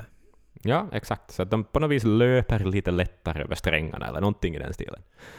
Mm. För jag vet ju att Adrian, han värmer upp. Det finns ju hur mycket sån här pre-show-clips med honom när han sitter och Mm. bluesar iväg. Och sen finns det Mm. ju, det är ju då till exempel när Adrian implying that all he's wearing is a towel. Sitter, står han ju just med sin... Precis, exakt. Om vi tittar tillbaka till Flight 666. Flight 666. avsnitt. Ja, Och så finns det ju också för, för Nico har ju alltid ett litet trumset i omklädningsrummet. Som Precis. han sitter och värmer upp på. Och Bruce Ja. går in på en toilet och skriker Mm. lite och värmer upp rösten. Ja. Men faktiskt när du säger det så kan jag inte eh, erinera mig över något, eh, något sånt klipp där Steve skulle stå och öva på Nej, mas. exakt. Och öva skalor. Nej, liksom. exakt. Det ser man ju inte. Nej. Nej. Men är, han, Det- är det lazy eller är han bara så, han är så bra, han har så bra självförtroende? Jag tror nog han gör det med självförtroende bara. För tänk om han skulle sträcka ett finger. Mm. Han spelar ju bara ändå med två, Ja. så att det skulle låta betydligt sämre. Det, då är det nog svårt att spela i... Exakt, exakt.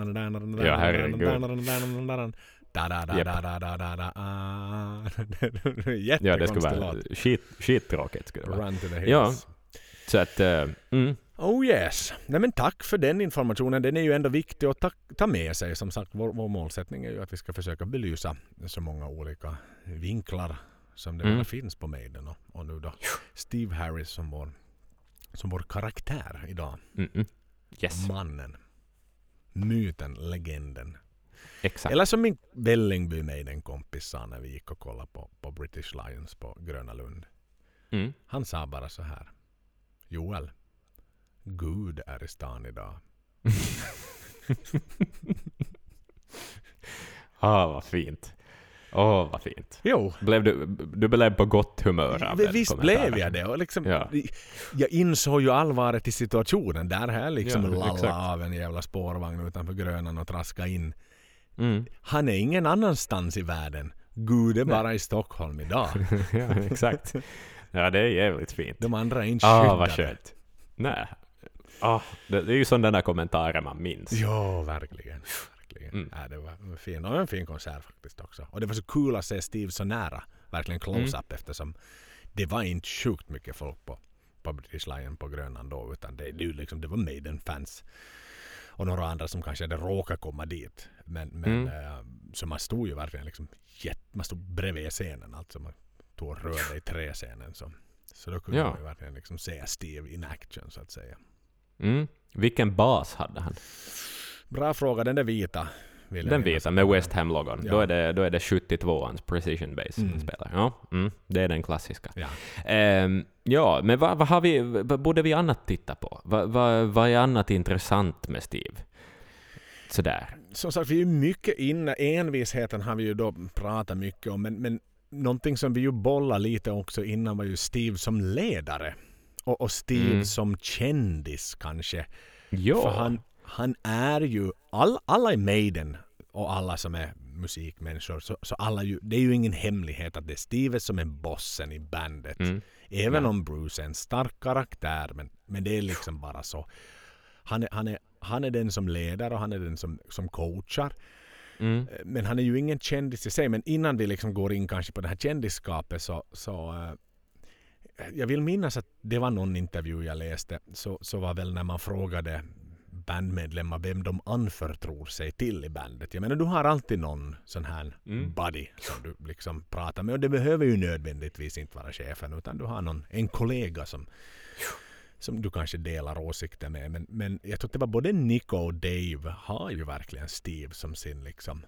Är det någonting som är, som är Mm. problematiskt eller någonting jag vill lätta på hjärta för så då är det Steve jag går till Ja, ja. som första kontakt så att säga. Ja, exakt. Men han är kanske sådär den vise Mm. av dem. Ja. Men det måste ju vara någonting sånt att han är ju inte sådär, även om han är hård, han är envis, han har inga problem med att sparka folk när det inte går Nej. den på det sättet som han tror eller saker inte går framåt. Mm. Men, men eh, det skulle vara kul att lära sig just den här sidan om honom som, eh, som en liksom ledande kollega. Mm. För just igen som vi var inne på då till exempel i föregående avsnitt när man verkligen satt inne i hans Barnyard Studios hemma hos honom. Han var producent, man var verkligen hemma. Så där då, och, och vi var inne på det här att var han lite för nära projektet, var han lite för nära allt. Så Ja. är det då liksom sådär ledaren på något sätt att jag, jag, inne, kanske kommer in på det där att det är lite skrämselteknik på något sätt. Att skulle du börja Ja. ifrågasätta något så är du lite väl illa ute. För han har, han är verkligen liksom, han har städat hela huset, han har bäddat och nu har han bjudit in er på Mm. middag.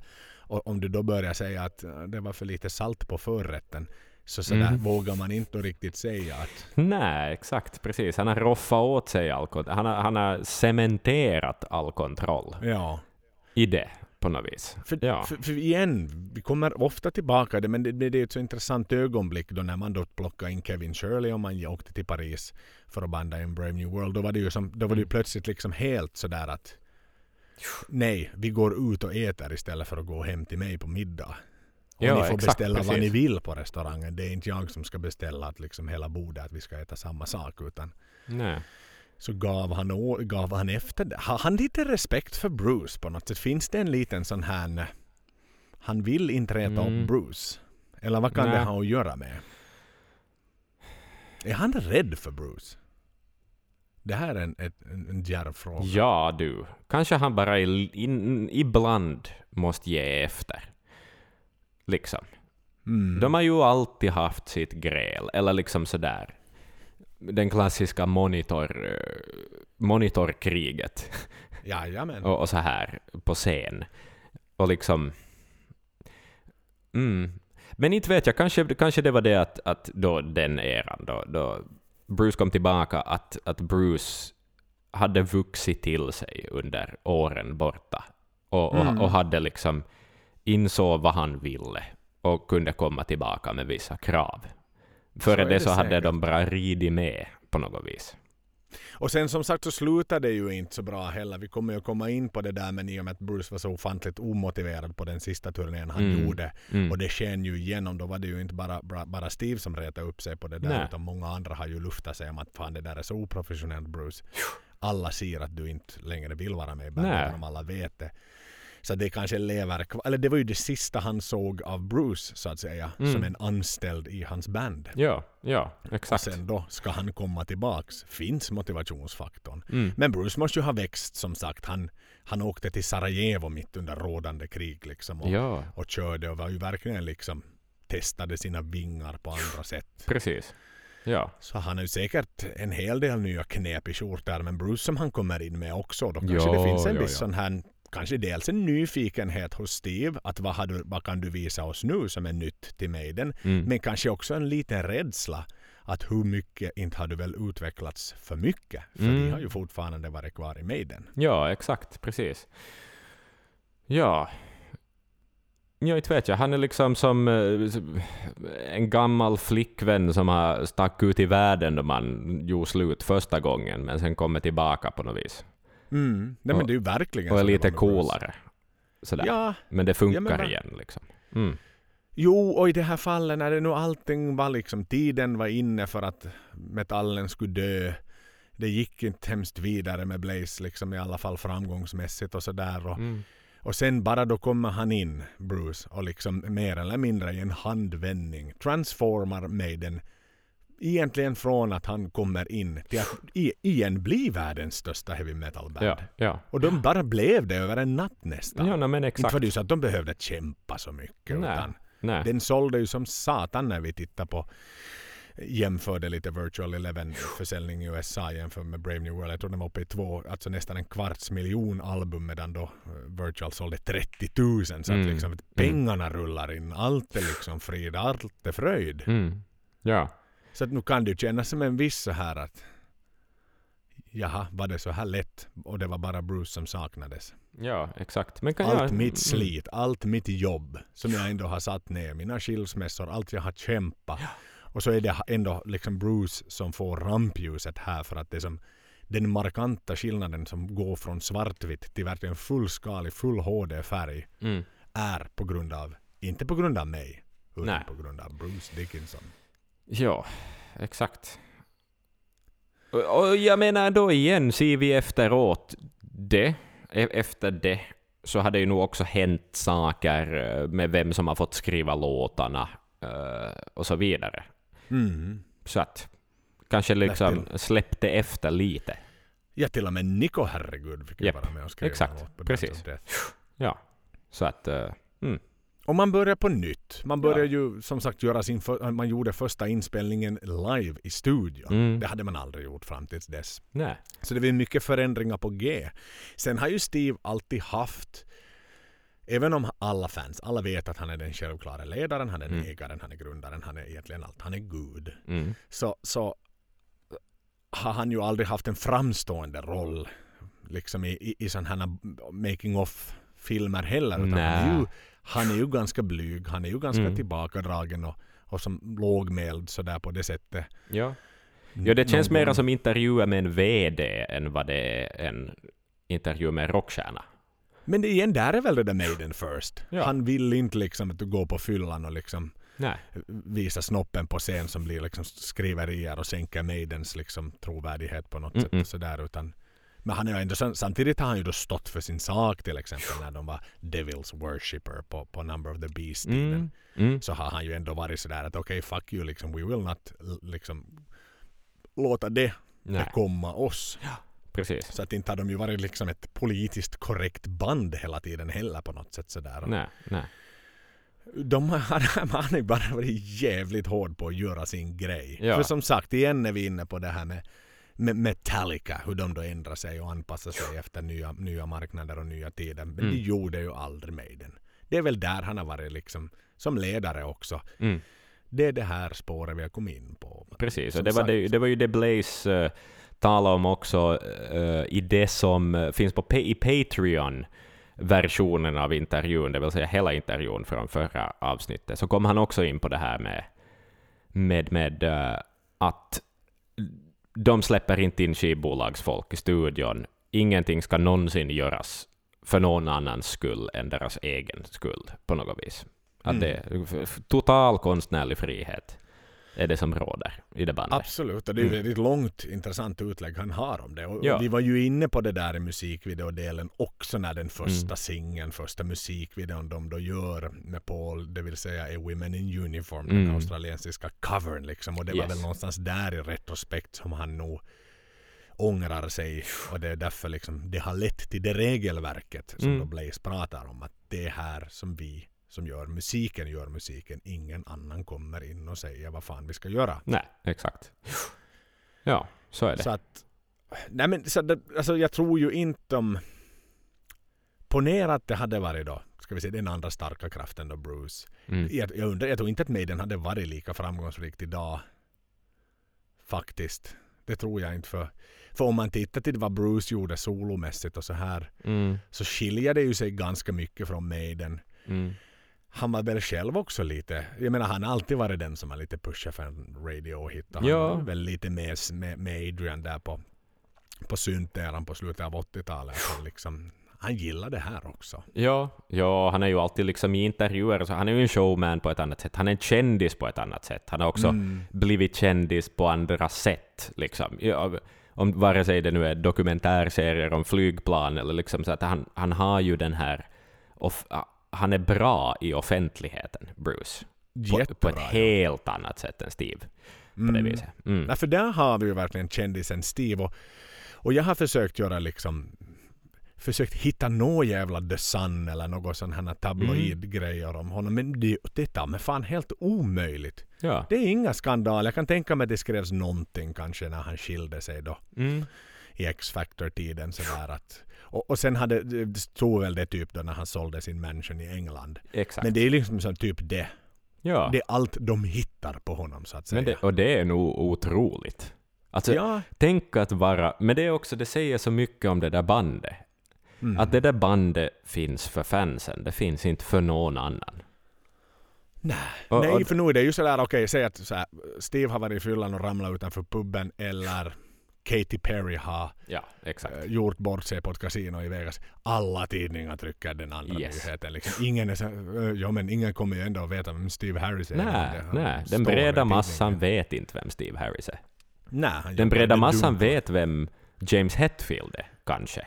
Ja, så är det ju. Och sådär. Och- liksom. Både James och eh, no, Lars. Lars, vår danske vän, är ju kändisar på ett annat sätt. De Mm. medverkar i filmer och så här. Och, Mm. och har väl liksom, sen är det ju en annan marknad någonstans, LA Ja, också. no, no, här, det är ju nog också viktigt. Ja. Det har där du helt rätt i. De är liksom- födda där. Bay Area, västkusten, LA är nära. Ehm, Ja, Ja. men du liksom fraternisar dig mycket säkert med Hollywood-eliten Ja. också, vilket gör att du kommer in i ett sammanhang i form av galor, i form av diverse olika liksom limousin-tillställningar. Jepp. Och bara Men- dina vänner liksom. Dina vänner blir säkert ganska enkelt andra Ja. kändisar. Och sen har väl Steve aldrig varit någon sjukt stor festare och så här liksom. Och, och vad jag nu läste igenom så var det väl liksom, det var ganska tidigt in. De gjorde någon USA-turné och så konstaterade han liksom att Nej, inte det här är riktigt min grej. Visst, vi, vi dricker lite öl och sådär men att Mm. jag vill hellre jobba med nästa album. Jag vill hellre sitta och skriva på låtar och då sitter jag hellre liksom i studion och lyssnar på om mixen är bra eller om det är någonting jag funderar Mm. på att lägga till. Att han är ju som alltid liksom varit mera i den här kreativa processen och då som sagt säkert skrivit musikvideomanus och, och liksom haft, alltid ja, haft ja. kosan in, Han har ju alltid haft skrivbordet fullt av projekt om säger så. Jo, jo, jo. Och så just sådär. Lär sig editeringsprogram för att han vill ta tag i den biten också. Ja men liksom. exakt. Och sådär. Ehm, ja, han har ju nog haft flest nacken i det där bandet om vi säger så. Så är det ju. Jag menar om han inte har blivit liksom pushad till att ta dem utan han Nej. har ju han har valt att ta dem själv. Ja, Exakt, precis. Ja. Men det är nog här, det som sagt en, intressant att han har lyckats hålla så pass låg profil i bruset. Jag menar han är ju inte han är ju en extremt tät man rent ekonomiskt också sådär Mm. att han, ja. han gör sitt och, och, och familjen har ju alltid varit så ofantligt viktig för honom också. Jo. Det Så är märker vi ju. Det märker vi ju på vilka band som har värmt upp för mig den genom åren. Verkligen. Verkligen. Så, eh, och det är ju också unikt. Alltså det är Ja, unikt. jo. Jag, jag tror inte jag har fattat hur unikt det är förr. på något vis. Alltså just no, vi, tar hans musicerande band då. Uh, Raven Age är det senaste bandet uh, som, som har brukat värma upp för mig den och där spelar då hans son uh, gitarr. Vad hans son heter kommer jag inte på i, för närvarande. Nej, Men, ja. Men det där metalcore-bandet som väldigt mediokert Det är inte. Calvin Harris i alla Nej, det är inte, det är inte Calvin. det, och det är bra. ja. Ehm, Det var han som han adopterade bort.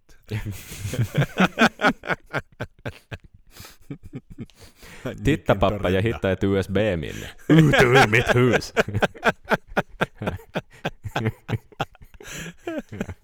Ja, Okej, jag ska inte dissa USB-minnen, jag använder dem själv i musiksyfte också. Men i alla fall.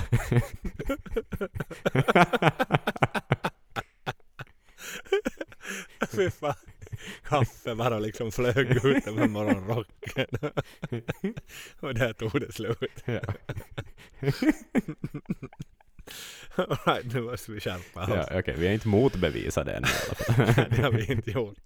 Ja, men, men ja, familj. Alltså just det, Raven Age, det är många av oss som har sett Raven Age lämpa upp för veden. Och vi har alla varit lite små besvikna, för att de passar inte så jättebra som lämpare för Maiden. Nej. Det är en helt Men de har i alla publik. fall varit i två vändor. Ja, det har Två de. turnéer. Ja. De har fått ett förnyat förtroende. Yes. Och jag menar, de, jag är inte ett stort fan av metalcore, och jag tycker all metalcore låter exakt likadant, oavsett om det är Killswitch Engage eller Raven Age som spelar. Okej, Killswitch Engage är kanske lite bättre, men, men i alla fall, sådär. Mm. Men de är ju ändå bra på det de gör. De spelar bra, de är duktiga musiker. Liksom. Ja, det, det de måste jag ge. ju bra Jo, sångare jo, jo, sådär, exakt, precis. Ja. De levererar på en, på en väldigt professionell nivå. Mm, så är det. Lauren Harris då, är hans andra musicerande barn. Mm. Vi har stängt Ska- den här dörren för Joel. Oh, Lauren Harris. Lauren Mm. Harris. Som jag såg på Helsingfors 2008 på den mest ikoniska Revisited-turnén också. Det där, vad Ja. vad fan alltså på riktigt. Okej, fine, det hade varit på någon Dance of Death World Tour. Mm. Är det väl helt okej. Eller någon sån där Gimme Ed till I'm Dead. Som Ja. ändå är bara en filler. Nu gör man, nu kommer the rhyme of the end. Man tar fartyget runt världen igen Mm. för att visa the most iconic era. Och vem sätter man att värma upp den där jävla... En satans Olympiastadion! Ja, ja. Glöm inte igen, vi har varit inne kanske på det här för men hur många band som inte skulle döda för att spela på världens största stadions utomhus sommartid i Europa. ja. Ja, och så får hon en sån jävla gratisbiljett upp till toppen av Empire State Building. Mm. Utan att ha tagit någon trappa överhuvudtaget. Och det är ju det som är så speciellt. För det finns ju inte andra band som gör på det sättet. Alltså visst finns det band som har plockat med sina coveriband som Mm. lämpare, för att det är människor man tycker om att resa med. Och så där. Även om det där coverbandet inte har blivit riktigt lika stort, så kan man vara schysst. Liksom. Ja. Och sådär. Men, men det här är ju ett speciellt... Men hon är ju bara en produkt. Hon Mm. är verkligen bara en produkt som har testat. Hon det exakt samma som Kelly Osbourne. Bara för att, nu vill jag, nu min pappa är jättekänd, pappa har liksom så mycket kontakter, pappa har jättemycket pengar och han känner alla människor som har en studio. Pappa, eh, jag skulle vilja prova på att sjunga rock. Mm. Eh, för jag tror att för att du är min pappa så kommer det att komma folk på mina konserter. Mm. Och folk kommer att vilja prata med mig efter konserten och fråga hur min pappa mår Mm. Jag är trött på att bara vara anonym. Kan Mm. du snälla pappa låta mig bli lite känd? Mm. och så men- är pappa som älskar sina barn så som du och jag själv hade gjort vill ge alla sina barn en chans. Mm. Och liksom okej varsågod det är klart. Det är klart vi ska satsa. Det är kul om musiken lever vidare. Mm. Men, men det som, där kan jag väl ändå tycka att liksom Raven Age men hon spelar ju inte musik längre och det var ju, hon, hon gjorde väl en eller två Ja, hon hade haft no- några projekt efter det också. Ja men det var ju en sån här rikt, ja, så det var ju en sån här riktigt klassisk up and down. Hon var ju inte lika envis som Steve som liksom gick igenom 150 bandmedlemmar innan han gjorde sin första demo. Nej, men idag så är hon mera verksam inom eh, scenkonst på andra sätt, har jag förstått. Hon har varit med i musikaler och hon har eh, gjort några sådana grejer. Det verkar mera vara hennes plats. Däremot, Mm. för att li- lite skänka lite kritik mot din bittra inställning till Lauren Harris. Jag ska inte säga att jag tycker om Lauren Harris musik, den är fruktansvärt medioker. Men att, att det ändå finns den aspekten av det att din pappa är Steve Harris, du vill syssla med musik, att, att det finns liksom inget mellanläge, vet du. Att antingen gör du inte musik, eller så är du Steve Harris dotter. Och då kan, finns det en risk att du dras med med Steve Harris och hamnar och lämpar upp för pappas band och blir hatad.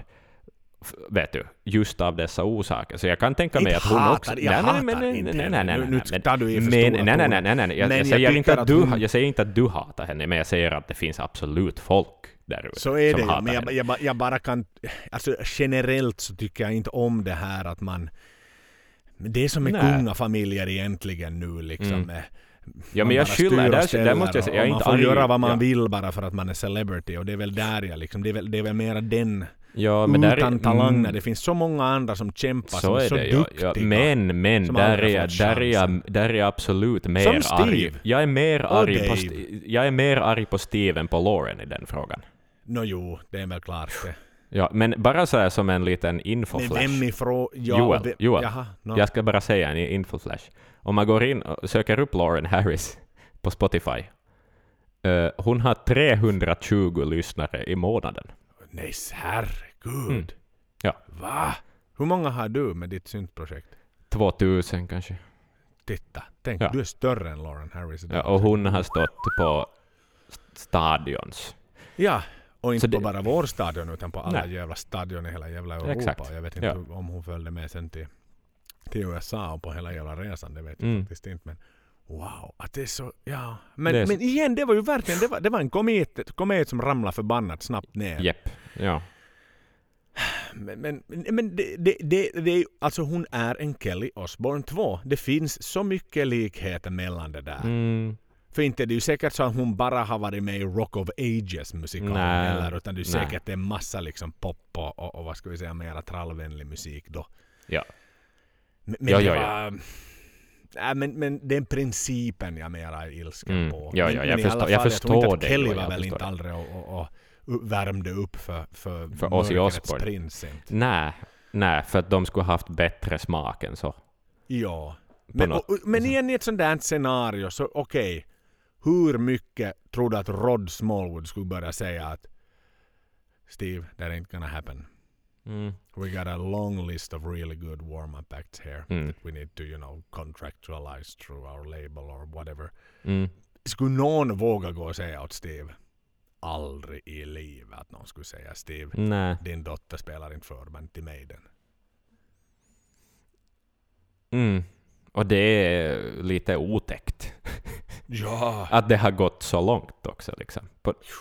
För det är, inte men det- rättvist, det är inte rättvist mot någon. Nej. Alltså, och inte mot Lauren heller. Säkert var hon glad då hon fick vara med på turnén. Men i det långa loppet så tror jag inte att hon är särskilt glad över vad som Nej, och hände efter det. egentligen nu sådär, vad jag tror, jag klappar väl kanske, jag tror inte att jag stod med armarna i kors, men igen, jag klappade för Ja. att man, jag vill klappa Ja, för att exakt. tänk om Steve står och lyssnar backstage, är det folk som klappar när musiken tystnar eller inte? Mm. Av den anledningen klappar jag, så att han inte liksom ska ha en dålig start på Nej. den kanske mest magnifika revisited touren de ska ha. så att Precis, han kommer precis. ut med liksom lite halvsur på finnarna där plötsligt Mm. sådär att jaha, är det här nu satan tacken man får när vi kommer hit?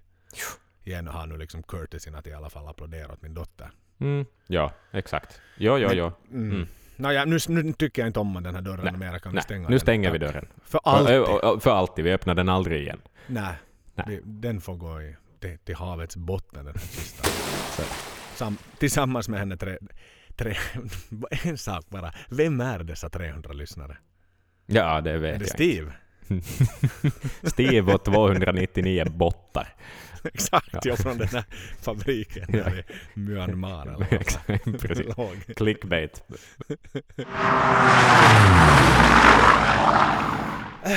Ja, hur summerar man, hur summerar man Gud? För att låna terminologin av min Med någon sorts tros... eh, vad heter det? Vad heter den där grejen som kristna... trosed. Ja, exakt. Mm. Nej men det är ju liksom...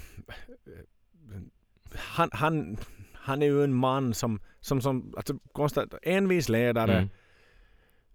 Och, och bara liksom så awesome Ja. på sitt basspelande och så awesome i sin låtskrivande och så awesome i sin liksom att vara konsekvent i att använda Maiden och att köra på med sitt artwork. Det var aldrig så där att vittu det började vara lite pinsamt att ha någon sån där färgglad monster på skivorna. Nu måste vi plötsligt sätta någon bild när vi ligger alla utan tröjor i en stor dubbelsäng Mm. och ser allvarliga ut med en kudde där det står I love you på liksom. Det var aldrig det där att han, han, vet du, han never broke, never fucking broke liksom för, för något grupptryck eller någonting sånt här. Nej. Han, han var kapten som stod genom stormarna och seglade genom stormarna. Med sin envishet men någonstans ändå alltid med en sån här eh, omvärldskännedom som han ju uppenbarligen alltid Ja, haft. alltså han, För att- ja, han är ju en gammal seglare. Det, Ja, på något plan. han är sjömannen, han är är kapten. det. Captain Harris. Ja, det är nog fan sant det. Så har han ju sådana där sjömanstatueringar också. Lite. Ja, Mm. visst. Mm. Och sen är han ju captain i fotbollslaget också, Ja, antar jag. Det vet Ja. jag faktiskt inte. Men det var ju finns ganska fin, fin met, sådär, liknelse, måste jag säga. Ja, ja men det, det, det, resten är överflödigt. Vi har redan pratat väldigt Ja. mycket om honom. Så, så att summeras så är det bara att säga saker två Ja, gånger. precis. Men det är nog den där kaptenen. För det kommer med den där den där säkerheten och den där, den där lite mytologiska saken om att jag vet nog hur det alltid har varit. På något vis. Alltså sådär. Och erfarenhet. Precis. Jag har seglat goda hoppsudden förr på det här sättet och då funkar det nog igen. På något Mm. plan liksom. Ja. Mm. Det, nu är det ju det. Nej men nu är det ju det. Mm. Och det, det, det, det skulle kännas väldigt tryggt att vara ett band med Steve Harris som ledare Mm. idag. Så är det. Oj vad skönt det skulle vara. Ja. Och som sagt alltid lämna utrymme för sin familj på gott och ont. Mm. Sådär haft med dem på turnéer och liksom, det kan man ju i alla fall inte säga att han inte skulle sätta family first. Nej, nej. Och det är ju i sig en fin egenskap också. Mm. Nu är det, Ja. nu är det, det finns ju hur många kändisar som helst som liksom bara har dumpat sin familj och japp, japp. startar nya liv. Och så här, han, han har alltid brytt sig om det han har tyckt om och de han har haft nära sig. Eller hur? Vilket också är en väldigt fin egenskap som man heller inte ska glömma. Nej, nej, nej. Han må vara principfast och hård, men han är i alla fall rättvis mot de som förtjänar det. Och med det kanske vi, vi för stunden vinkar farväl till Kapten Steve och, Mm. och ser med, med, med enorm glädje på att få, få se honom Mm. ta de här första hopperna med det där ivriga ansiktet som man alltid får se när han rusar ut på scen Japp. i Aces High. Och få se när han skjuter oss Ja. med basen. Jag hoppas han träffar oss. Ja, jag vill dö av hans skott. Jag vill också. Steve, Ceylon. Podden